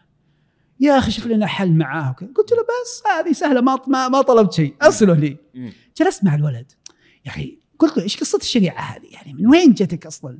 قال أنا ميولي كذا والشريعة تحتاج هذا الميول وبعد ما أتخرج راح أشتغل في هذا المجال وأنا يناسبني هذا أعطاني سمع لي المنهج كامل. خطة كاملة. خطة ك- وضوح ما شاء الله. ما شاء الله. فرجعت اتصلت على الاب وأنا قاعد رفعت السماعه قلت يا أخي الرجال حيقنعني أنا أدخل لا شريعة. يدخل شيء غير الشريعة. لا يدخل لازم يدخل شريعة. أنا أنا اقتنعت أدخل شريعة. يا فاذا كان هذه الرسالة إذا كان ابنك يعرف إيش يبغى. أب أب أبتعد عن طريقه. خله يشوف لكن تأكد إنه فعلا ليس تحت تأثير شخص آخر. تحت تأثير ال social media تحت إيه. تأثير إيه. ال- ال- المؤثرين اللي تعرف يعني انتشروا السمعة. والسمعة والأشياء. فاذا تأكدت إنه ما هو تحت هذا التأثير وفعلا أعطاك إجابة واضحة لماذا اختار هذا التخصص؟ وربطها بشكل واضح بسوق العمل وبميوله وكذا. أعتقد إنه إنك أنت لو ابتعدت كثر ألف خيرك يعني. هذا أفضل شيء تسويه. هذا أحسن شيء تسويه. طيب دكتور ياسر يعني بعض التخصصات آه، سمعتها تكون جيدة والبعض سمعتها تكون سيئة والسمعة هذه تكون يعني لها تأثير مباشر على الطالب. وش رأيك في موضوع سمعة التخصصات وهل الطالب المفروض إنه يتبع السمعة هذه؟ والله وهذا أيضا من التحديات اللي تواجه الطلاب في القرار. إنه يقولوا هذا التخصص آه، يعني له بهرجة له برستيج معين نعم. له في في تاثير تأثيرهم على على هذا القرار خليني أعطيك مثال. آه، تخصص الطب من التخصصات اللي لها سمعة طيبة وكثير من البرستيج كثير من من الآباء يدفع أبنائهم لهذا لهذا التخصص. صحيح. ولا يعلمون إنه في قاعد تصير تغيرات في هذا التخصص آه، ما ما, ما الناس ما ما قاعدة تنتبه لها.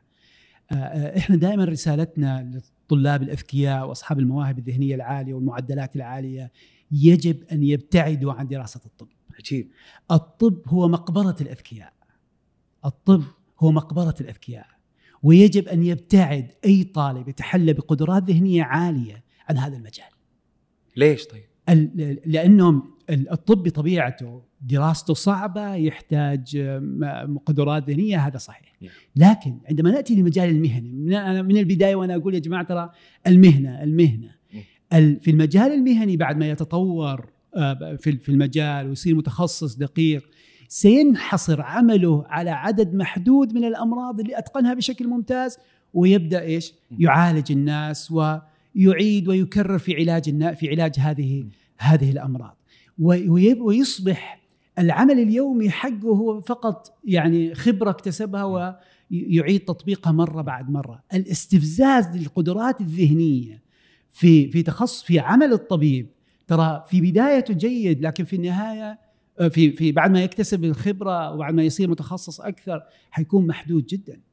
ويأتي الذكاء الاصطناعي الآن الذي إحنا بدأنا نرى بشائره. سيأتي الذكاء الاصطناعي ويقضي على على الجزء ال- القدرات الذهنية. بعد كذا خلاص اللي هو حيفكر عنك ويا أنت بس وظيفتك كيف تجلس مع المريض وكذا.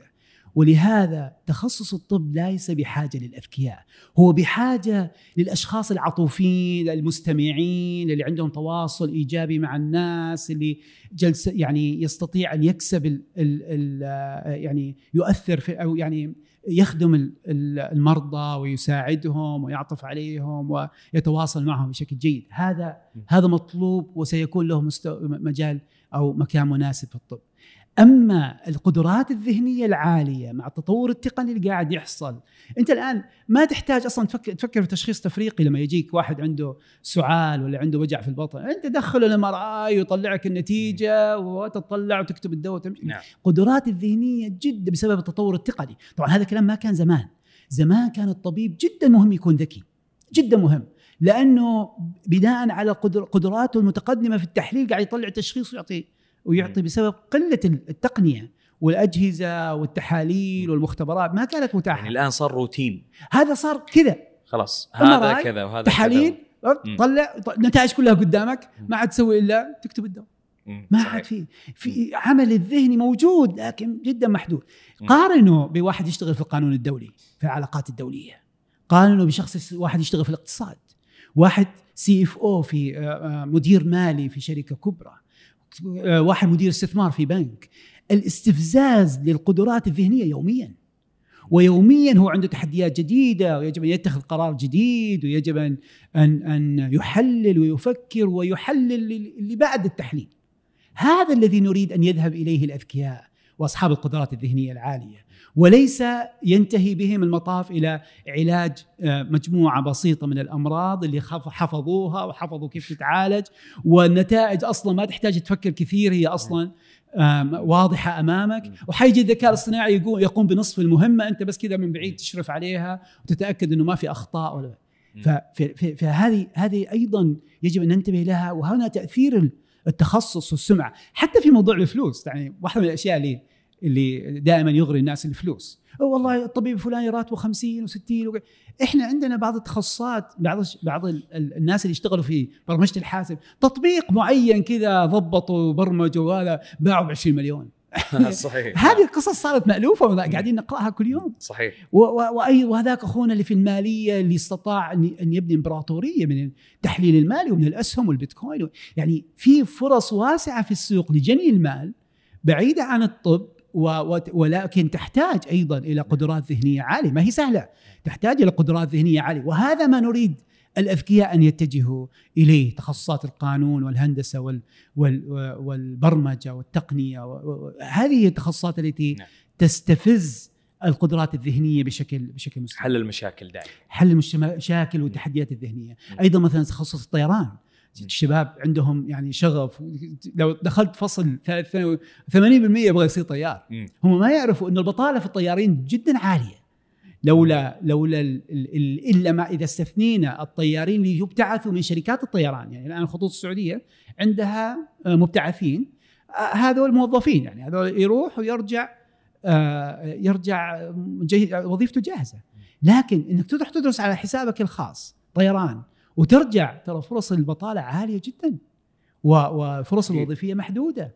فانا أقصد إنه هذا ال- الرونق وهذا البرستيج يجب أن لا يؤثر على قراراتنا ولهذا دائما نحن ندعو إنه في المدارس نبذل جهد أكبر في توضيح آه، سوق العمل للطلاب وتوضيح طبيعة العمل وأن يسأل أن يسأل الطالب نعلم الطالب كيف يسأل السؤال الصحيح للمتخصصين حتى يصل الإجابة الصحيحة. آه، جميل طيب نرجع الآن دك- دكتور ياسر على سؤال الجامعة وكيف نرد على الشخص اللي يقول الجامعة دراسة آه، تضيع وقت شوف الجامعة لها ثلاث أهداف. إذا قدرت تحققها بدون الجامعة ما, ما قصرت الله يوفقك. روح كمل توكل على الله لكن هي في ثلاث أهداف أساسية م. هي يعني يصعب إنه الطالب يحققها خارج مؤسسة تعليمية طبعا م. اتكلم عن الجامعة أو نعم كلية أو حتى لو معهد تدريب منتهي بالتوظيف أوكي م. ال ال الأمر الأول المعارف العلوم فأنا أروح الجامعة عشان أتعلم وعشان أكتسب مجموعة من المعارف بشكل منظم مرتب آه، خطوة بخطوة آه، وهذا يفرق عن إنك تقعد على النت يوم تحضر دورة تقطعها في النص تقطعها في. النص تروح على دورة ثانية الاسلوب اللي كلنا متورطين فيه. فأول شيء العلوم والمعارف هذه هذه النقطة الأولى الأمر الثاني المهارات والسمات الشخصية الجامعة في كل تخصص أو معظم التخصصات تطور لديك المهاره في التحليل في التفكير النقدي في العرض في التواصل في آه، ال- ال- السمات الشخصية المطلوبة في سوق العمل زي المثابرة وإدارة الوقت والتعامل مع الفشل. هذه هذه الجامعة تعلمك إياها بطريقة عملية ومباشره وهذه وهذه صراحة يعني ولهذا أنت من السهل لما تجلس مع واحد خمس دقائق خاصة لو كنت خبير تقعد مع واحد أحيانا عشر دقائق تعرف إنه هذا خريج جامعة ولا ما هو خريج جامعة.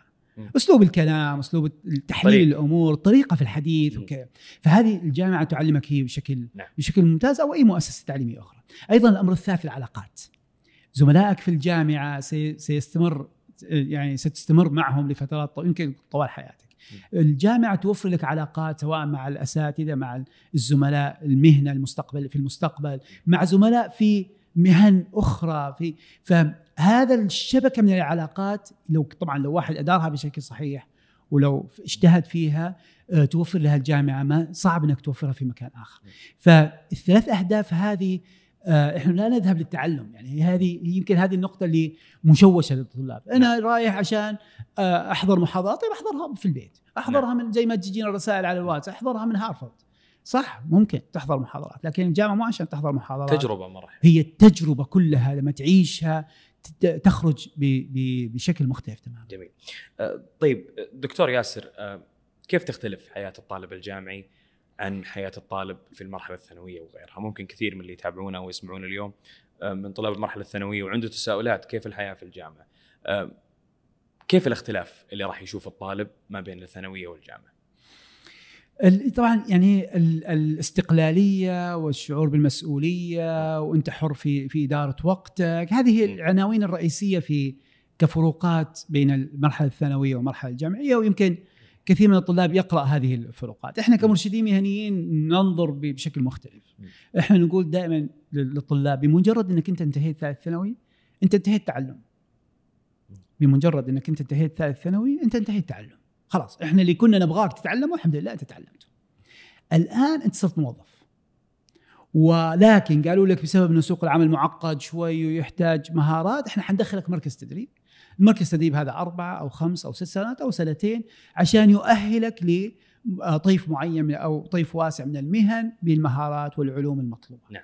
فلما الطالب في الجامعة يلبس آه، آه، طاقية أو أو أو طاقية الموظف وقبعة الموظف ويتصرف على هذا الأساس ويحرص على تطوير مهارات ويحرص على خبرات وكذا هذه ينظر إلى الأمر بشكل مختلف يعني أنا كطالب جامعي قاعد في محاضرة دائما أسأل نفسي الكلام اللي يقوله الدكتور له تطبيق عملي؟ حيساعدني ولا ما راح يساعدني؟ إذا ما ساعدك يعني يعني معناها أنا إيش قاعد أسوي؟ طبعا أكيد في جانب نظري أكيد في نعم. بس كم لازم يشكل 20 30 40% من الشيء اللي نتعلمه في الجامعة في مشكلة لكن يفترض 70 60 70% يجب أن يكون له تطبيق عملي في في فالفرق هنا أنك أنت موظف. والفرق هنا أن تنظر أن تلبس هذه القبعة وأن تنظر لما تتعلمه على هذا الأساس. كيف أطبق كل كلمة أنا أتعلمها في في الجامعة أنا أتعلم كيف أطبقها في آه، في في في سوق العمل. إذا وجدت هذا التطبيق واضح الحمد لله توكل على الله. إذا ما وجدت أبغى أرجع أسأل. نعم. بالضبط وين تطبيقاتها العملية أنا أقصد إنه الفرق هناك نتعلم يمكن بيور يعني بشكل صافي إحنا قاعدين نتعلم هنا لا أنا أتعلم من أجل آه، تطبيق هذه المعلومات أو هذه المعارف على سوق العمل من أجل إنتاج قيمة يستفيد منها الناس والشركات. جميل. طيب دكتور ياسر آه، وش الأمور اللي تمنيت إنك تعرفها قبل لا تدخل الجامعة؟ وأتوقع لك كتاب في هذا المجال. نعم في يمكن في 2000 2008 2009 كتبت كتاب اسمه عشرة أمور تمنيت لو عرفتها قبل قبل دخولي الجامعة. جميل. والحمد لله يعني كتب الله له الانتشار يمكن طبعنا منه عشرات الآلاف من النساء. ما شاء الله. ترجم لاكثر من لغة. و... وسبحان الله في ذيك الفترة أنا أذكر ظروف كتابتي الكتاب أنا خلصت وقتها الدكتوراه ووقتها بعدين بديت يعني أقدم على وظيفة وقبلت بس كان في إجراءات كذا تعرف عمل حكومي أحيانا ياخذ نعم إجراءات صحيح. في القبول. فيعني أنا قاعد لاني أدور وظيفة ولا اني موظف.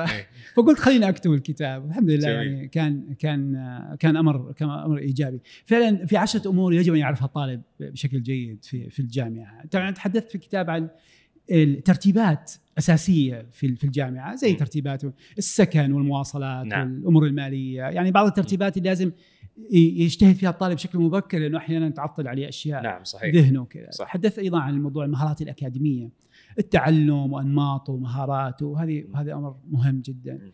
الأمر الثالث العلاقات وطبيعتها في الجامعة مع الزملاء مع الأساتذة مع السوق. يعني أيضا إدارة هذه العلاقات أمر جدا مهم ويفيدك في في مستقبل الأيام. تكلمت عن بعض المهارات النفسية الموضوع التعامل مع الفشل كيف تقول لا وأنت لا تشعر بالتردد أو أو الخوف أو أو الخوف؟ التعامل الضغط على النفس تأجيل إشباع المسرات المهارات هذه المهمة للطالب آه، حتى ينجح في في حياته الجامعية وما بعدها. أيضا الاستعداد لسوق العمل تحدث في في أمر آخر تحدثت عن الحب والزواج الأشياء اللي مشهورة في في هذا العمر. آه، تحدثت أيضا عن ال عن ال مرحلة الانتقال ما بين الجامعة وما بعدها لأنه هذه أيضا المرحلة الانتقالية هذه أيضا تحتاج إلى انتباه. فيعني يمكن غطيت الأنشطة الغير الصفية أو الأنشطة الجامعية وأهميتها غير أكاديمية غير الأكاديمية أيضا أيضا كان لها فصل. تقريبا آه، هذه الفصول حقت الكتاب المذكور. جميل. طيب آه، دكتور ياسر يعني ما يخلو الحديث عن الجامعة دون ما نذكر موضوع الابتعاث إيش رأيك في فكرة الابتعاث بس لمرحلة البكالوريوس؟ يعني في آه الآن مع آه برامج المملكة الآن صار في برامج ابتعاث. ممكن يجي خريج الثانوي يشوف برنامج ابتعاث معين يطلعه للخارج شهاده بكالوريوس في أحد الجامعات الخارجية. وممكن يآثر الشيء هذا على دراسة البكالوريوس محليا. آه إيش توجه لهم وإيش نظرك أو منظورك لهذا الموضوع الابتعاث المحلي أو الخارجي عفوا؟ ضد الدراسة آه، المحلية هنا في مرحلة البكالوريوس؟ والله هذا سؤال مهم وحتى الآباء يسألوه إنه يعني يقول لك إحنا مستعدين للتضحية وهذا ولدنا وأغلى شيء نملكه نعم. فايش رأيك في هذا الموضوع؟ الحقيقة ما في إجابة تناسب الجميع عشان نتفق، هذه الأمور دائما ما فيها صح وخطأ. فيها رؤية، فيها منظور معين آه لكن أيضا لا يمكن تعميمه على كل الطلاب بكل المراحل بكل التخصصات. أنا منظوري الشخصي لا أتحمس للابتعاث على مستوى البكالوريوس إلى الخارج. آه، والسبب أنا أول شيء لازم نسأل إحنا ليش نسافر الخارج أصلا؟ يعني قبل ما نقرر إي ولا لا. إحنا ليش نسافر؟ إيش اللي يخلينا أسافر؟ نحن عادة نسافر لسبب واحد. في آه، آه، أنا دخلت سوق العمل عرفت في أشياء ناقصة في سوق العمل. عندنا تحديات ما لقينا لها إجابة. نعم. أو ما لقينا لها حل. عندنا أسئلة ما لقينا لها إجابة. عندنا نماذج عمل ما هي موجودة عندنا آه، طرق في التفكير ما هي موجودة عندنا عندها الطالب أو الشاب أو الموظف أو الشخص ايا كان يجب أن يسافر عشان يبحث عن إجابات لهذه الأسئلة ويبحث عن آه، آه، فعلا طرق تفكير جديدة ويجلبها معه ويفيد فيها العاملين ويفيد فيها سوق العمل. هذا متى يتحقق؟ إذا اتفقنا على هذا على هذا الأمر، طبعا في فوائد أخرى لا يعني لا ننكرها، موضوع مد العلاقات على مستوى دولي، تحسين اللغة، هذه كلها فوائد حقيقية. لكن الفائدة الاساسيه الأساسية هي ما ذكرت، هو البحث عن إجابات لأسئلة إحنا ما هي موجودة اجاباتها عندنا، تمام؟ طيب هل هذا يتحقق على مستوى البكالوريوس؟ في معظم الحالات البكالوريوس هو لبناء الأساسيات نعم. وحتى إحنا لما جينا قارنا بين مناهج كلية معينة عندنا هنا ومناهج في كلية في الخارج تقريبا نفس المناهج. فأنت الآن في هذه المرحلة مسؤول أن تتأسس علميا ومهاريا في الأساسات. وما وصلنا للمرحلة اللي ذكرناها قبل شوي والله إجابات لأسئلة غير موجودة أو ما عرفنا لها حل. اللي قاعد اللي ننصح فيه عادة إنه الواحد يكمل البكالوريوس هنا. خلال السنوات تتضح الرؤية المهنية حقته. لأنه أيضا الرؤية المهنية. طيب أنا سافرت هناك وأنا ماني عارف إيش حاشتغل طيب إيش الإجابات اللي أنت تبحث عن عنها إيش الأسئلة اللي تبحث عن إجاباتها؟ أصلا إيش المجال اللي أنت تبغى تتميز فيه أصلا؟ أنت ما هو واضح لك أصلا. فلما تقضي البكالوريوس هنا تصير الرؤية واضحة. وبعد التخرج أيضا لا ننصح بالسفر. طبعا إلا في حالات معينة لكن في معظم الحالات لا ننصح السفر مباشرة. ادخل سوق العمل اقعد سنة سنتين. خبره هو مو بس عشان الخبرة أنت تبغى تشوف وين نقاط الضعف. وين الأشياء اللي فيها ميسنج يعني مفقودة في سوقنا وفي ممارساتنا اليومية المهنية في تخصصك.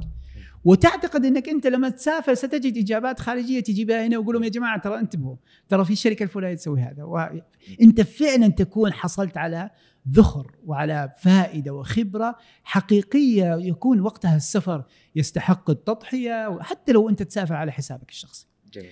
فنعتقد إنه إنه لو واحد فكر بهذه الطريقة أعتقد إنه وقتها يكون السفر مفيد ويستحق. طبعا تعرف إحنا عندنا مشكلة في موضوع السفر أيضا. يعني وهذه يعني شفتها متكررة. الطالب يتحمس يسافر. يقعد سنتين ثلاثة. الأم طبعا بحنانها وتصبر عليه. سنة سنتين ثلاثة. خلص البكالوريوس في خمس سنوات. قالت أمه الحمد لله يلا أرجع. قال لها لا ترى البكالوريوس ما ماجستير. ما ينفع الماجستير. إيه. فأحيانا يضغط على ألو... على ال... على الابن على الطالب من الأهل يقولوا لا ارجع. خله قول أنت إيش يقولوا له؟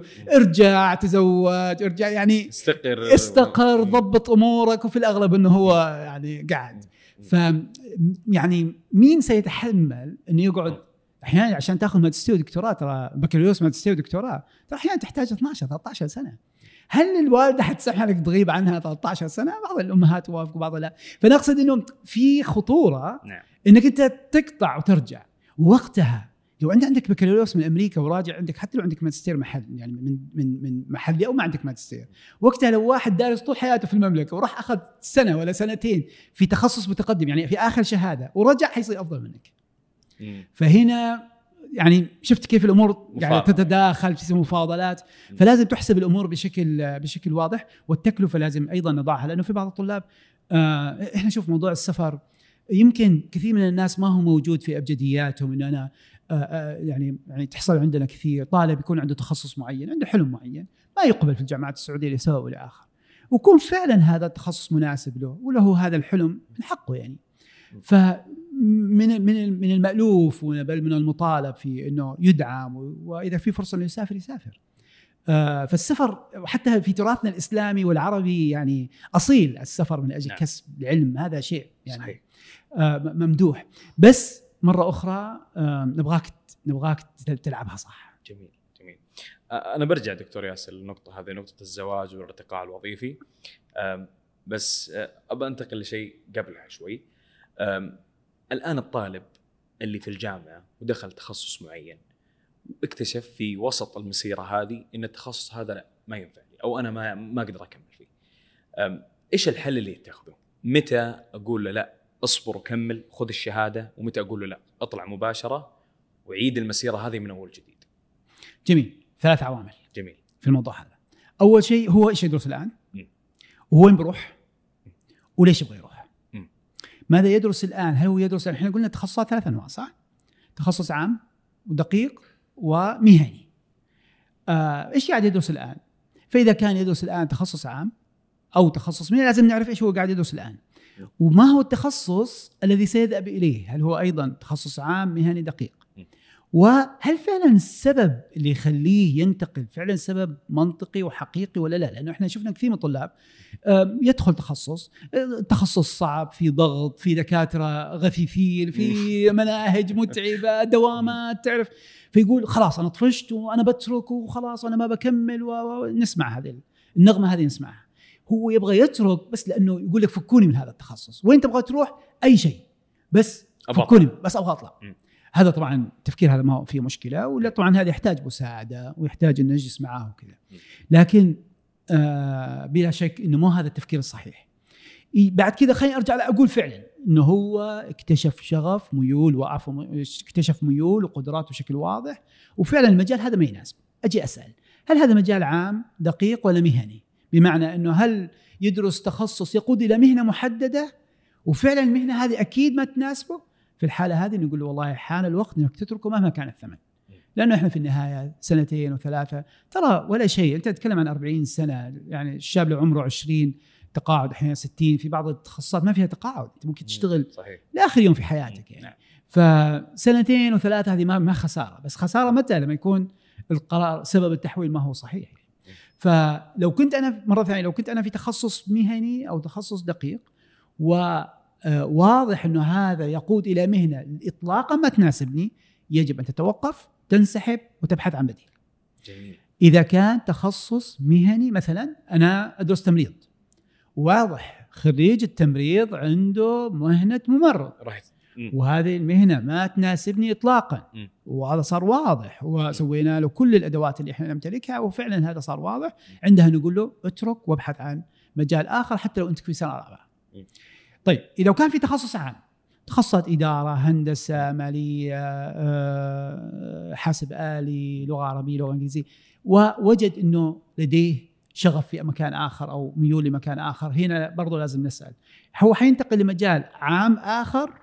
إذا حينتقل لمجال عام آخر قول له لا. كمل باللي أنت فيه وبعدها في الوظائف نقدر نضبطها في إيه. ماجستير في دبلوم في شهادة احتراف بعدين. بعدين نقدر نضبطها. لو كان يبغى ينتقل لمجال مهني وكان واضح إنه مثلا مرة ثانية موضوع التمريض أو غيره فعلا مناسب له. وهو يجب فعلا أن يقوم بهذا العمل فإحنا نقول له الآن اترك وانتقل. فهي فيها شوية تفصيل بناء على أنت وين وأين آه، أين ستنتقل. نشوف كثير من الطلاب اليوم دكتور ياسر آه، الخريجين يعني البعض يتوظف بسرعة والبعض لا ياخذ وقت كثير يعني. إيش تتوقع أهم العوامل تسبب هذا التأخير؟ سؤال مهم. إحنا عندنا في الإرشاد المهني مصطلح نسميه معدل قدره القدرة على التوظف. معدل القدرة على التوظف. أعطيك مثال. لو إحنا افترض إن إحنا 20 مبرمج نشتغل في شركة. جميل. الشركة هذه قفلت لسبب لآخر صار لها ظروف قفلت. لما تجي تراقب ال 20 مبرمج مع إنه كانوا يعملوا في مكان واحد ويمكن مستوياتهم متقاربة وكان دخلهم متقارب واحد يتوظف ثاني يوم. ثاني يوم. صحيح. واحد يتوظف بعد شهر. واحد يتوظف بعد ستة اشهر واحد يتوظف بعد سنتين. والبعض سنوات أيوة. خمسة أربعة. يعني وهذا وهذا ليش؟ لأنه نسبة القدرة أو معدل القدرة على التوظف عند هذا منخفض. تلقاه صفر ولا عشرة ولا عشرين. ومعدل القدرة على نسبة معدل القدرة على التوظف عند ذاك 100% مرتفع أنت تعرف أن في بعض الموظفين يعني عندهم بينه وبين الوظيفة الثانية كم؟ اتصال. اتصال. أصلا الشركة الثانية قالت له أنت مكانك محفوظ أي وقت تجيب أوراقك وتعال ثاني يوم باشر. هذا موجود ولا مو موجود؟ موجود أكيد. موجود. صحيح. بينه وبين وظيفته التالية اتصال. يا ابن الحلال يا ابن يا جماعة ترى أنا جايكم تعال. شوف قدرة التوظف هذه مو هذه 100 هذه 1000 ما, ما شاء الله يعني. إيه. وفي بعض الناس زي ما قلنا يروح ويطلع وينزل ويكلم وما ما قدرة التوظف معدل النسبة هذه عنده منخفضة جدا. السؤال ليش؟ دائما دائما هنا السؤال ليش؟ إيش السبب؟ مع إنه أحيانا بعضهم خريجين من نفس الجامعة، خريجين من نفس الكلية ويمكن هذاك جاي معدل احسن حتى يعني. بس وش المعايير آه اللي تحدد واحد الواسطة. إذا أنت ما عندك واسطة ترى وضعك صعب. باختصار يعني. وأذكر كنت اقدم أقدم جميل إنها رقم واحد يعني اي لا لا هذه هذه رقم واحد. واحد قال مقولة مقولة شوي غريبة يعني بس كذا يعني نقولها لل... يقول ليس المهم ماذا تعرف. شفت الشهادات والمحاضرات؟ هذه آه، كلها أي كلام. ليس المهم ماذا تعرف. المهم من تعرف. جميل. ومن يعرف من تعرف. من تعرف ومن يعرف من تعرف. يعني هو يعمل لك التشبيك هذا. إيه. موضوع موضوع العلاقات موضوع جدا مهم. وللأسف يعني إحنا آه، في تربيتنا كان آبائنا قالوا كانوا يقولوا لنا اشتغل على نفسك اجتهد وستنجح. لما كبرنا عرفنا الكلام هذا مو صحيح. آه ترى مو صحيح. إيه. وللأسف ما زال في بعض طلاب الجامعة يؤمن بهذه النظرية وحاولنا فيهم كثير. ترى أقول لهم يا جماعة مو صحيح. لن تستطيع النجاح في سوق العمل لوحدك. لن تستطيع النجاح في سوق العمل لوحدك بدون دعم الآخرين ومساندتهم لك توجيه وتوجيههم وكذا. فالواسطه والعلاقات أذكر كنت في جامعة الملك سعود في يوم من الأيام ألقي محاضرة. في في نفس المواضيع هذه نتكلم فيها. فقام طالب رفع يده قلت تفضل. قال والله ترى كنت تكثر كلام. يعني ما ترى هي موضوع واسطة. عندك واسطة تتوظف. ما عندك واسطة ترى لا تحاول يعني وضعك صعب. فقلت له والله يا أخي أتفق معك كلامك يعني صحيح. بس أنا لي عندك سؤال. ليش أنت ما عندك واسطة؟ أها. ليش أنت أنت أنت ليش ما عندك واسطة؟ طالع كذا ما سكت الفكرة فعلا ليش أنت ما عندك واسطة؟ لأنه البناء الواسطة اللي هي كلمة الواسطة إيش؟ إيش معنى كلمة واسطة؟ واسطة معناها شخص يؤمن أنك في أنك يجب أن تكون في وظيفة أو أنك إنسان لديك قدرات لديك مهارات تستحق أنك يناسبك أن تكون في في عمل فالبناء الانطباع الإيجابي لدى الآخرين عنك هذا هذا يحتاج جهد منك ويحتاج أنك تشتغل عليه فواحدة من الأشياء اللي فعلا ترفع قدرتك على التوظف هو قدر هو العلاقات اللي أنت تمت شبكة العلاقات. رأس المال الاجتماعي يسموه رأس نعم. المال الاجتماعي حقك. فكل ما كان لك علاقات مع الأشخاص المؤثرين في السوق في مجالك كل ما كان عندك فرصة أكثر لقدرتك على التوظف راح تزيد. في في عناصر أخرى أيضا المهارات. إحنا للأسف شبابنا ما يتقنوا لغة المهارات. ما يتقنوا لغة إيش يعرف يسوي؟ يعني الآن أنت سويها حتى مع الزملاء طلع ورقة وقلم قول لهم اكتب لي ما إيش اللي تعرف تسويه مش اللي تعرفه. لأنه اللي, اللي أنا أعرفه اللي يعرفه طلاب الجامعة كثير جدا. تتكلم عن المهارات الناعمة ال soft skills لا لا لا أتكلم إيش تعرف تسوي إيش تعرف تسوي. بشكل عام. بشكل عام المهارات ناعمة وصلبة. يعني الآن يعني أنا مثلا في الإرشاد المهني أقدر أقول لك نظريات من هنا لبكرة. ما كلام نظري كذا عام ما. ويمكن لما أقعد مع طالب ما أستطيع ما أستطيع أعرف إيش ميوله ولا قدراته ولا مثلا أعرف إيش التخصص المناسب. ما يقدر يطبق هذا أيوه. مش المهم ماذا تعرف. المهم إيش تعرف تسوي. وأنت طبقها وروح الآن لأي جامعة. وقف بينهم في الفصل وقول لهم يا جماعة كل واحد يطلع ورقه وقلم واكتب لي إيش الأشياء اللي أنت تعرف تسويها. إيش الأشياء اللي أنت تعرف تسويها. راح تلاقي الطلاب كتبوا حاجتين ثلاثة أربعة وقفوا. لأننا إحنا ما تعلمنا لغة المهارات. بينما شخص آخر عنده فعلا يقدر يسرد لك الأشياء اللي اللي هو يقدر يسويها. هذا مو هذا ما هو كافي إنه يسرد لك. يجب أن يكون لديك دليل على إنك فعلا عندك هذه نعم.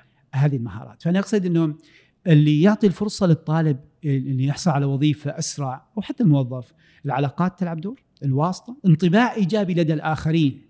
إنه هذا الشاب جيد وعنده قدرات وقدرة على التعلم وكذا. وأيضا المهارات. واللي عنده عنده خبرات في مجال في في اجتهد على نفسه في تطبيق ما تعلمه على أرض الواقع وبالتالي اكتسب خبرات هذا هذا يعطي فرص آه، واسعة للطالب إنه يحصل على وظيفة. طيب هذا الدكتور ياخذني للسؤال ثاني. آه الآن الطالب في فترته الجامعية وش هي أفضل طريقة يمشي عليها بحيث إنه يكتسب هذه المهارات ويكون شبكة علاقات في فترة الجامعة؟ جميل. إيش أفضل طريقة يسويها؟ شوف الطالب في الجامعة عنده وظيفة واحدة لا ثانية. لها م. صناعة قصص نجاح. صناعة قصص نجاح. إيش يعني صناعة قصص. نجاح؟ يعني يفترض إن أنا أجي مقابله وظيفيه لازم أبدأ أتكلم إيش اللي سويته أثناء الجامعة وكان في أثر إيجابي أو قصة نجاح. أعطيك مثال. لو أنا طالب في التسويق واثنين طلاب تقدموا لوظيفة خريجين كلية التسويق تخصص التسويق من جامعة بترول المعادن ما شاء الله تخصص ممتاز وجامعة ممتازة وقدموا على على وظيفة محددة. جاء واحد والله عنده شهادة وما شاء الله جايب معدل كويس اموره طيبه.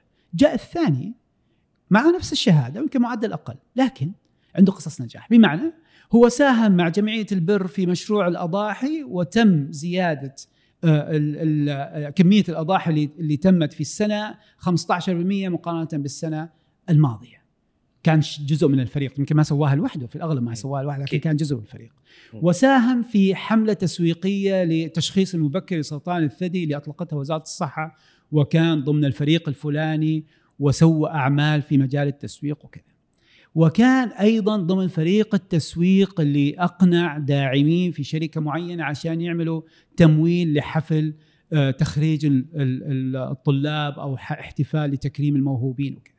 بدأ يعطي قصص نجاح لتطبيق مجاله على أرض الواقع. هذه قصص النجاح هذه لها معنى وسوق العمل يحترمها لأنه طبعا حيدقق معك فيها، يقول لك إيش كان دورك فيها؟ ترى هي ما هي سواليف كذا. لا أنا كان دوري كذا وكذا وكان في جزء من الخطة إني أنا أقوم بهذا العمل وكان مسؤوليتي أجمع البيانات وأحلل وهكذا. فهي الفكرة إنه كل ما استطعت أن تصنع قصص نجاح أكثر تروى تروى. لا تقول والله آه، أنا كنت اشتغلت انضميت لنادي آه، ال- التطوعي في الهندسة الميكانيكية. هذا ما يكفي. لازم يكون في قصة. القصة إيش يعني؟ مشكلة أو تحدي صار في تدخل أو إجراء صار في نتيجة إيجابية. اكتملت عناصر القصة هنا. هل أنت تستطيع أن أن تقوم بصناعة القصة هذه ولا لا؟ وكم واحدة وكيف أثرها؟ وطبعا يجب أن تكون مرتبطة بشكل واضح بتخصصك أو المهنة اللي أنت ستسعى إليها.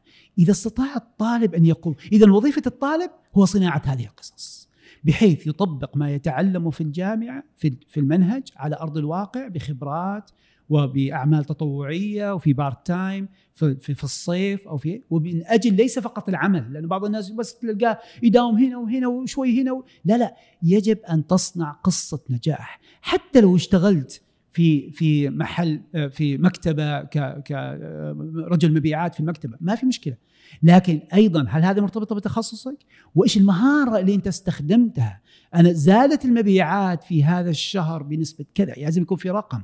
فهذه جدا مهمة ليقوم بها أي طالب. أيضا يعني قصص النجاح لها أشكال مختلفة يعني. يعني أنت تخيل طلاب طالب إدارة أعمال آه وعنده كذا حماس ونشاط وكذا. بدأ يتعلم اللغة الصينية. تعلم اللغة الصينية. أربع سنوات صرفها في تعلم اللغة الصينية. هل هذا أمر صعب ولا غير صعب؟ صعب أكيد. صعب صعب جدا. جدا.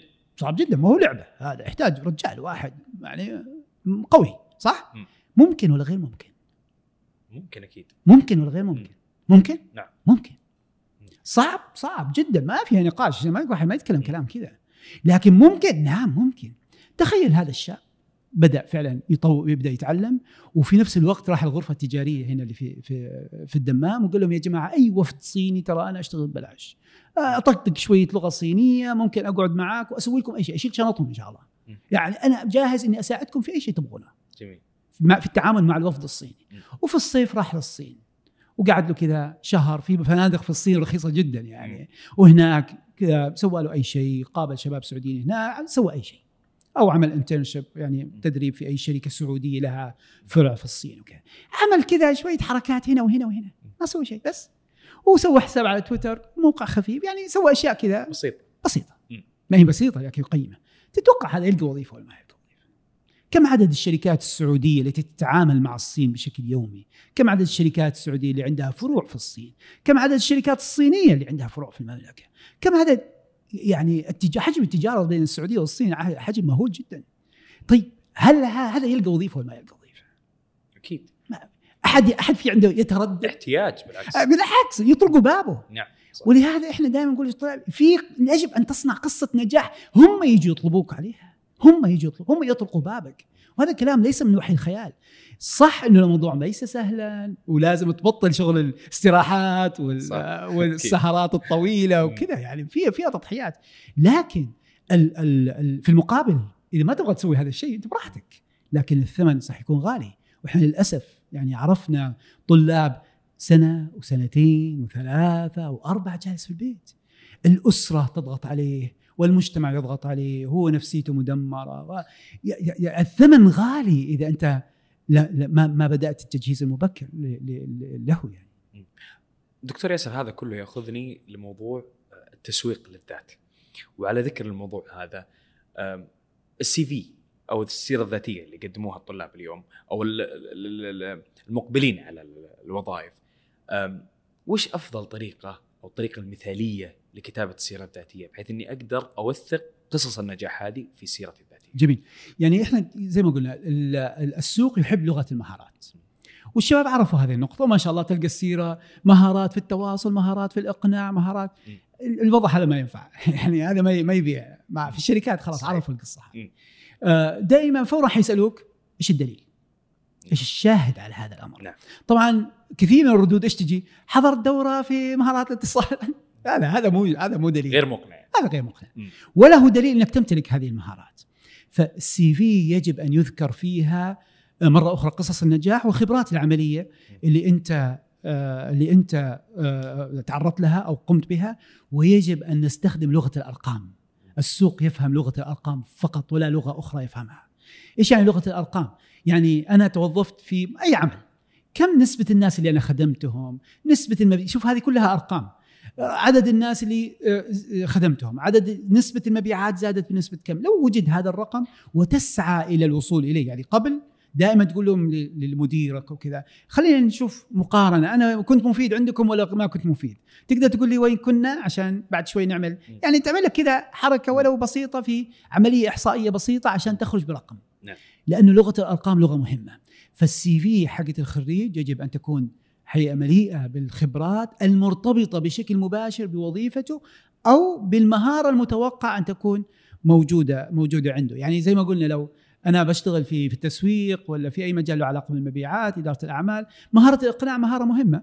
طيب أنا كيف دليل أنه أنا عندي مهارة إقناع؟ حتى لو سويت أشياء بسيطة لو زي ما قلنا آه، عمل آه، آه، وفرت تمويل أو ساعدت. طبعا ما أنت اشتغلت لوحدك ساعدت في فريق لتوفير تمويل لمشروع مثلا مشروع أضاحي جوا الجامعة أو مشروع مثلا آه، آه، ريادة أعمال أو أي أي شيء يعني استخدمت هذه المهارة بأي أثر إيجابي تذكرها وتتحدث عنها وأعتقد إنه هذا أهم ما يجب أن يملأ فيه آه، السيرة وليس الدورات اللي أنت حصلتها على أهميتها طبعا لازم تكون موجودة لكن ما ما عادت يعني ما عادت مقنعة لرب العمل. طيب دكتور ياسر الطلاب اللي على مشارف التخرج في سنتهم الأخيرة يعني وصلوا لمرحلة التدريب التعاوني أو التدريب الصيفي. كيف استفيد من التدريب التعاوني والصيفي هذا بأكبر صورة ممكنة بحيث إنها تفيدني في مهنتي مستقبلا؟ جميل ثلاث أشياء شوف الجامعة تقول لك روح تعلم التطبيقات وكذا هذه الوقت بدري عليها نعم. وتجي ما, صحيح. ما هي قضية أساسية م. عندنا ثلاث أشياء أساسية يجب أن تهتم بها الأول آه يجب أن تترك انطباع إيجابي عند الآخرين عند العامل اللي حتعمل عندهم ليش لأنه كثير من الشركات لازم نفهم موضوع التدريب التعاوني والتدريب وتمهير أيضا الآن في برنامج تمهير برنامج رائع قدمته صندوق الموارد البشرية لتحفيز التوظيف أو اكتساب الخبرات للشباب الخريجين الجدد. آه، سواء كان في تمهير أو في كو اب أو ايا كان من من من أنواع التدريب هذه يجب أن تترك انطباع إيجابي عند الآخرين، يجب أن تظهر السمات التي يحبها سوق العمل. السمات يحبها سوق العمل زي ما قلنا المثابرة والمرونة والقدرة الطواعية أو الاستجابة لطلبات المدراء والحرص والمثاب والاستمرارية ومهاراتك المختلفة، يجب أن تترك انطباع إيجابي عند الآخرين إنه موجوده هذه الأشياء عندك، والقدرة على التعلم والأشياء هذه. فهذه نقطة جدا مهمة، لأنه الشركات تستخدم هذه البرامج في التوظيف، بالعكس هم مبسوطين عليها، ليش؟ يقول لك هذه أرخص وسيلة للتوظيف. أنا بدل ما أنزل إعلانات وأجيب سيفيات وأفلتر وأسوي مقابل ليش؟ أنا أجيب الشباب الرائعين هذول الممتازين وأختبرهم وأنا على مكتاجي وبدون ما ادفع بدون ما أدفع شيء. أشوف اللي كويس أقول له أقعد. واللي هذا تقول توكل على الله. مع السلامة. ولهذا كثير من الزملاء وانت تعرف كثير من الشباب اللي دخلوا في الكو اب وكذا الشركات قالت لهم خلاص خرجوا تعال لأنه ترك انطباع إيجابي. فبس تترك انطباع إيجابي كيف؟ هذه تحتاج لها كذا تلعبها صح يعني. نعم. لأنه ما هو أي شيء هو يترك انطباع إيجابي. آه فهذه النقطة الأولى. النقطة الثانية هو استكشاف السوق استكشاف الوظيفة اللي أنت فيها والوظائف أيضا اللي حولكم في الشركة نفسها. طبعا هذا الشيء يجب أن تقوم فيه بشكل مبكر لكن واقعيا الشباب ما قاعد يسووا فهذه الفرصة ممتازة تستكشف السوق. إيش الوظائف المطلوبة؟ أقل طلبا. المهارات في الوظائف هذه إيش اللي لازم لازم أثبت إنه يكون عندي مهارات فيها؟ استكشاف السوق. الشركات اللي اللي قاعدة تتطور اللي تتوقع إنه تطلب وظائف أكثر لأنه في شركات ما شاء الله كل يوم الثاني عنده عقد جديد كل يوم يترسى عليها عقد معناها هذول في طلب مستمر للموظفين. صحيح. في شركات لا عندهم بزنس كذا أخذين عقد واحد من الحكومة وقاعدين يعني. عليه وأمورهم طيبة. فمعناها إنه turnover أو طلبهم للموظفين ما حيكون عالي. ف آه فهذه أيضا لازم تستكشفها. إذا كنت تبغى تعمل في نفس الوظيفة في نفس الشركة لازم تسأل مين الأقوياء في الشركة؟ مين القاده الخفيين اللي كلمتهم ما تصير اثنين؟ يعني التعرف على هذه الأشياء. مين يعرف من أصدقائي الناس اللي اللي جوا اللي ممكن يعني يساعدوني فيما بعد؟ وهكذا يعني هذه الأمور يجب أن تستكشفها. اذا استكشاف الشركة الوظيفة القطاع ال business كله هذا هذا الأمر الثاني. الأمر الثالث موضوع مهارات البحث عن عمل. يعني أنت مديرك اللي أنت تشتغل عنده ترى هو نفسه اللي قاعد يسوي مقابلات وظيفية. لأنه إحنا نعرف أي مقابلة وظيفية يكون لجنة مكونة من عدة أشخاص. صحيح. واحد من ال HR نعم. ولكن واحد منهم اللي هو ال technical guy نعم. يعني الناس ال technical موجودين هذا هو نفسه قاعد يسوي مقابلات ولهذا ببساطة أسأله أنت قاعد تسأل عن إيش؟ وليش تسأل هذا السؤال أصلا؟ وكيف أنا لو أنا أجبت حيكون الإجابة هذه مقبولة وجذابة أو مقنعة بالنسبة لك. فيعطيك الأسرار هذه طبعا ما حتساله اياها كذا بشكل مباشر يعني ما راح يعطيك ممكن ما يعطيك إياها لكن تجيبها كذا بلفة وفي صاعات صفاء وكذا وخاصة لما إيه. تترك انطباع إيجابي عنه. آه أنت تتوقع إيش تكتب في السيرة الذاتيه؟ إيش أكتب أنا في السيرة الذاتية؟ آه وحتى ممكن تعطيه سيرتك الذاتية حتى هو يراجعها فدائما هم ترى عندهم أسرار القبول في الوظيفة ما هم ما هم أشخاص آخرين نعم. فالوصول لهذه الأسرار حيكون مساعد جدا لو قدرت تسوي الثلاث أشياء هذه اللي هو التعرف اللي هو ترك انطباع إيجابي والتعرف على القطاع والبزنس والشركات وال وال وال والوظيفة نفسها أو المهنه هذه وتعرفت على الخفايا حقت القبول في الوظيفة لو قدرت تسوي هذه الثلاث أشياء ما أنت ما شاء الله أمورك طيبة. جميل. أه، طيب دكتور ياسر ودي نتكلم عن موضوع الذكاء الاصطناعي لأنه صار الآن موضوع مقلق يعني الكثير من الباحثين عن تخصصات والمهن. إلى أي مدى يؤثر اليوم الذكاء الاصطناعي على المهن واختيار التخصصات؟ ما يعني أعتقد التأثير راح يشمل الجميع. نادر إنه نقدر نلاقي تخصص أو مجال ما راح يشمله ما راح يشمله ما راح يتأثر بالذكاء الاصطناعي سلبا أو ايجابا. إحنا الإحصاءات تقول إنه في 300 مليون موظف صح سيفقدون عملهم بسبب الذكاء الاصطناعي. الرقم مهول ومخيف. آه في في نسب عالية ستتأثر. آه ستتأثر. يعني تأثر إيش يعني؟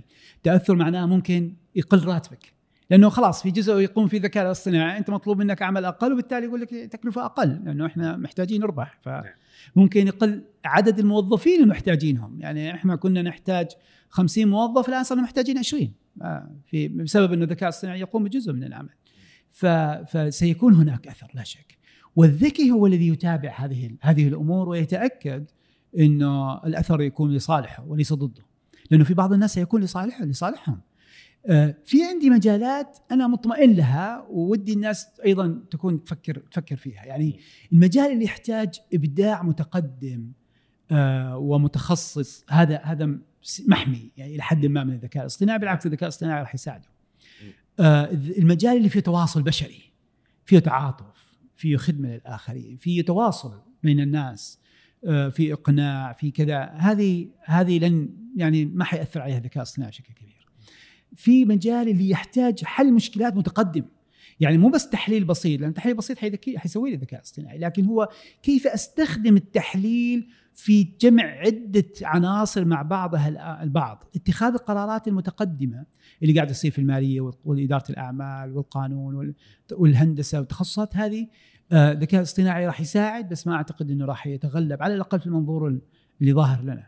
ففي آه، هذه المجالات الذكاء الاصطناعي حيكون راح يكون أداة مساعدة لهم وما راح يترك هذاك الأثر السلبي الكبير. المطلوب منك المراقبة المستمرة، عينك فورا على السوق ودائما السؤال إيش الأدوات اللي أنا أقدر أحطها؟ يعني أنا تجهيز هذه الحلقة استخدمت الذكاء الاصطناعي ما ما هو سر نخفيه الآن.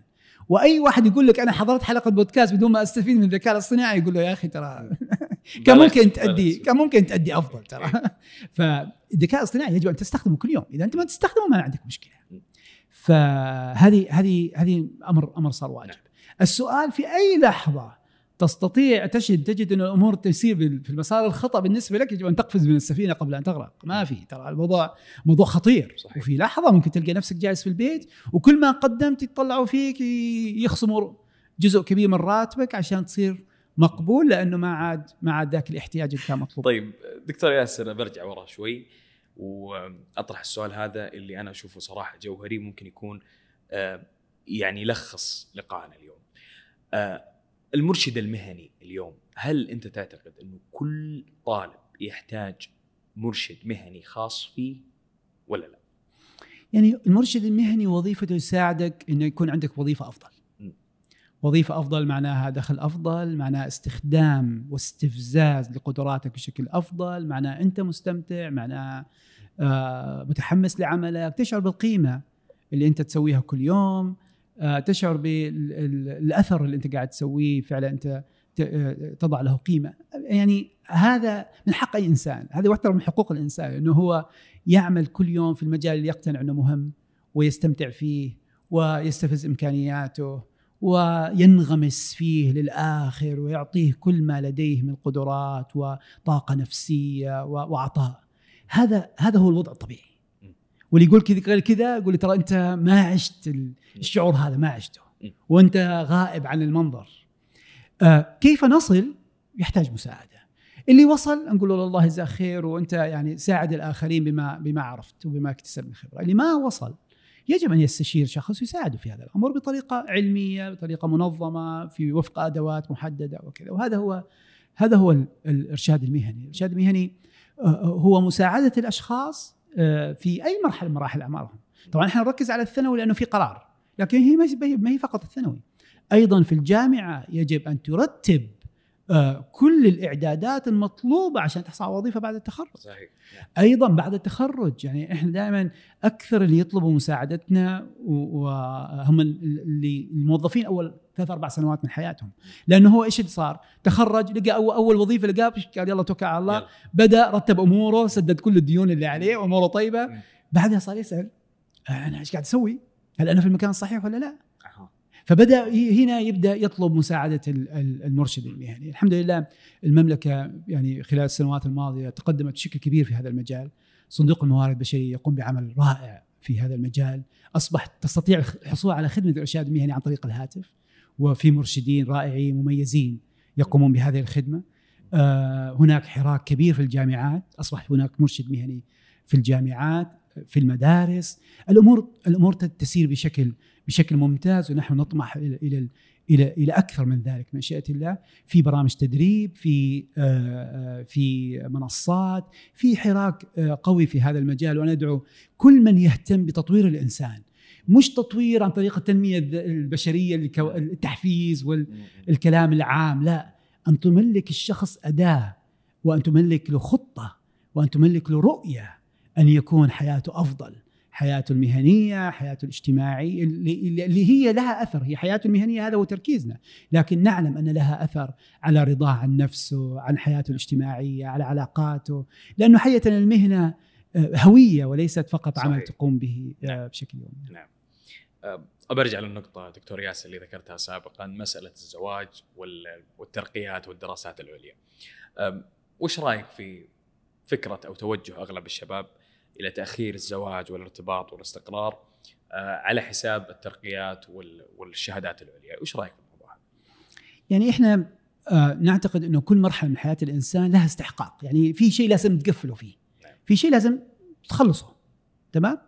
ونسال هل الزواج راح يأثر على أدائك أو على تكفيلك لهذا الموضوع أو إنهائك هذا الموضوع ولا لا؟ يعني مثلا الطالب في الجامعة مسؤول خلال هذه الأربع خمس سنوات أن يكتسب المعارف المطلوبة، يطور المهارات، العلاقات، الكلام اللي إحنا قبل شوي قلناه.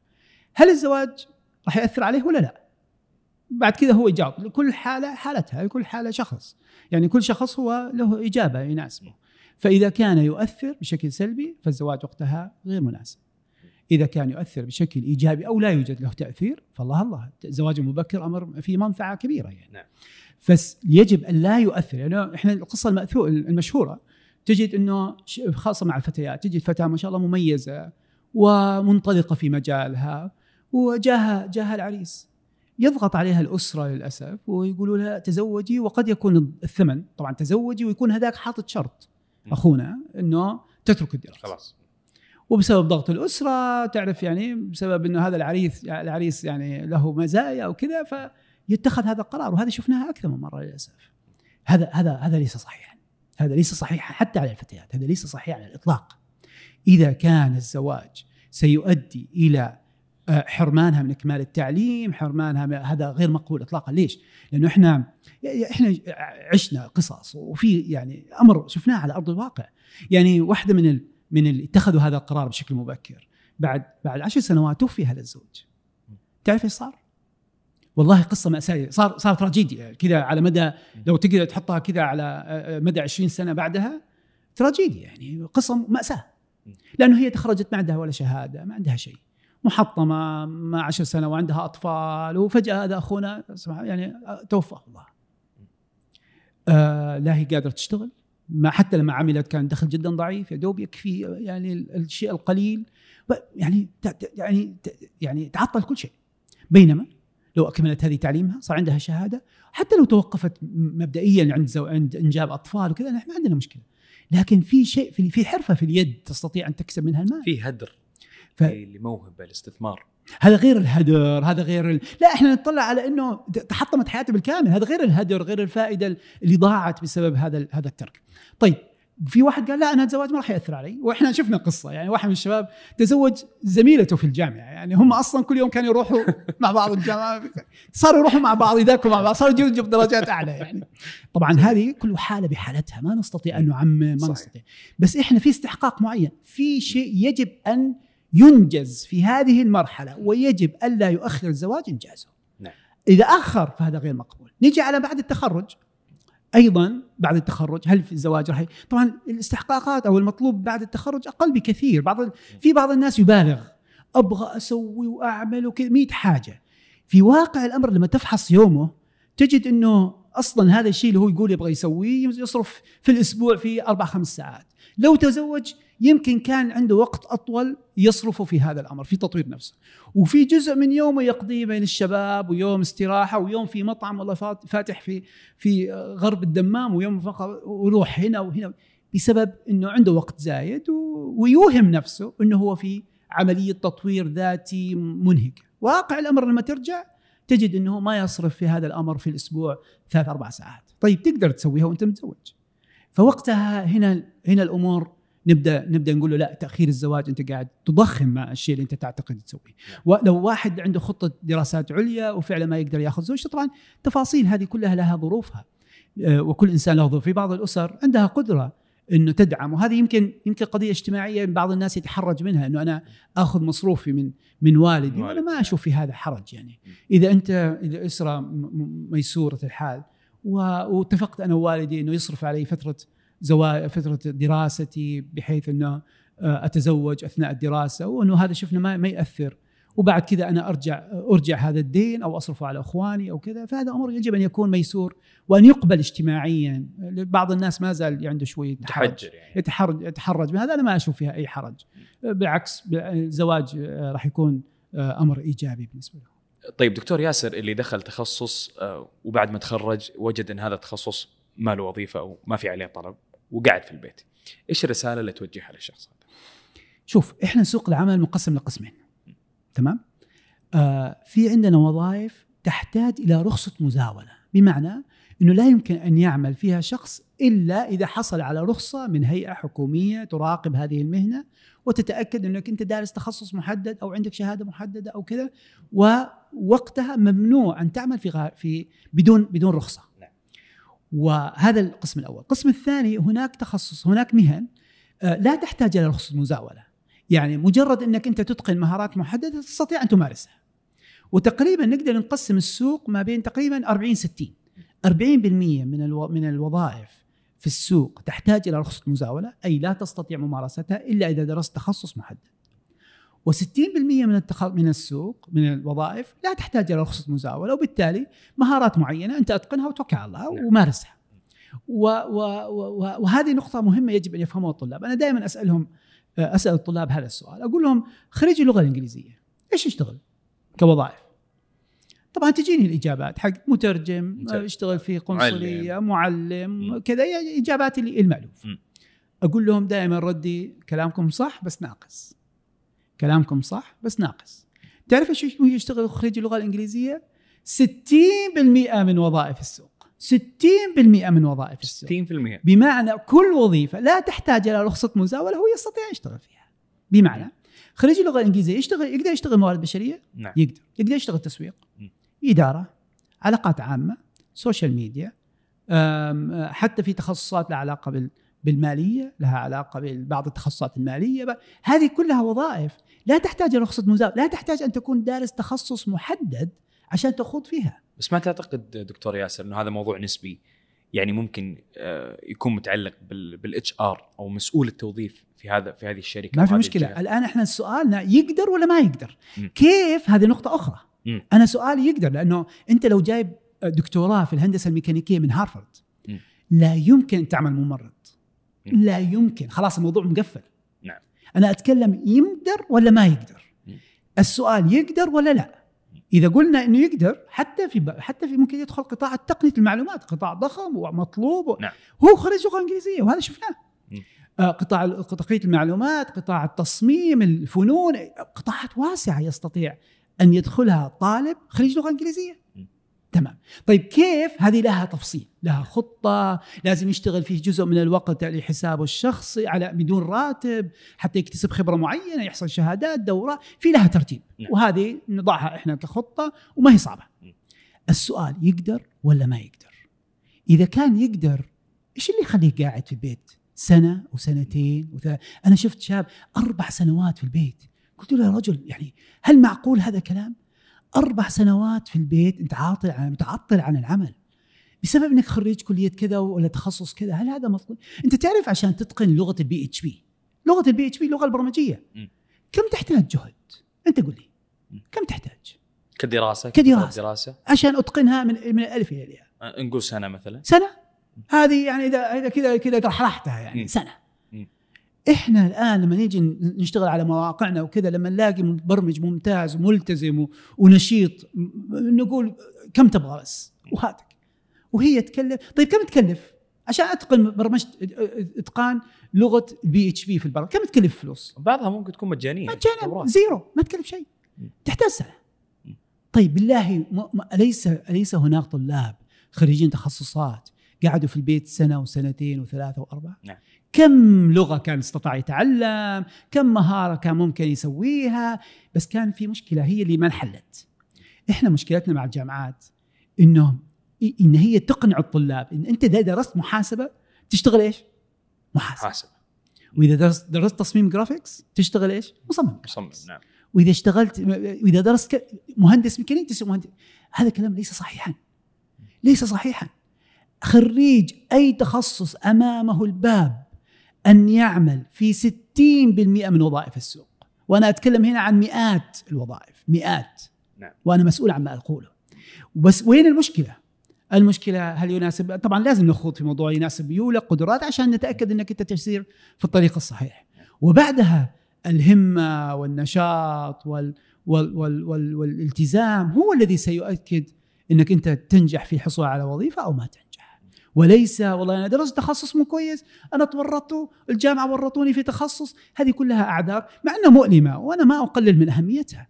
لكن المؤلم أكثر. أن تجد شاب في ريعان الشباب متوقف عن العطاء وبناء المجتمع. هذا مؤلم أكثر من أي شيء آخر. الله يعطيك العافية دكتور ياسر. أنا بكذا انتهت أسئلتي. آه، شكرا على وقتك شكرا على وجودك.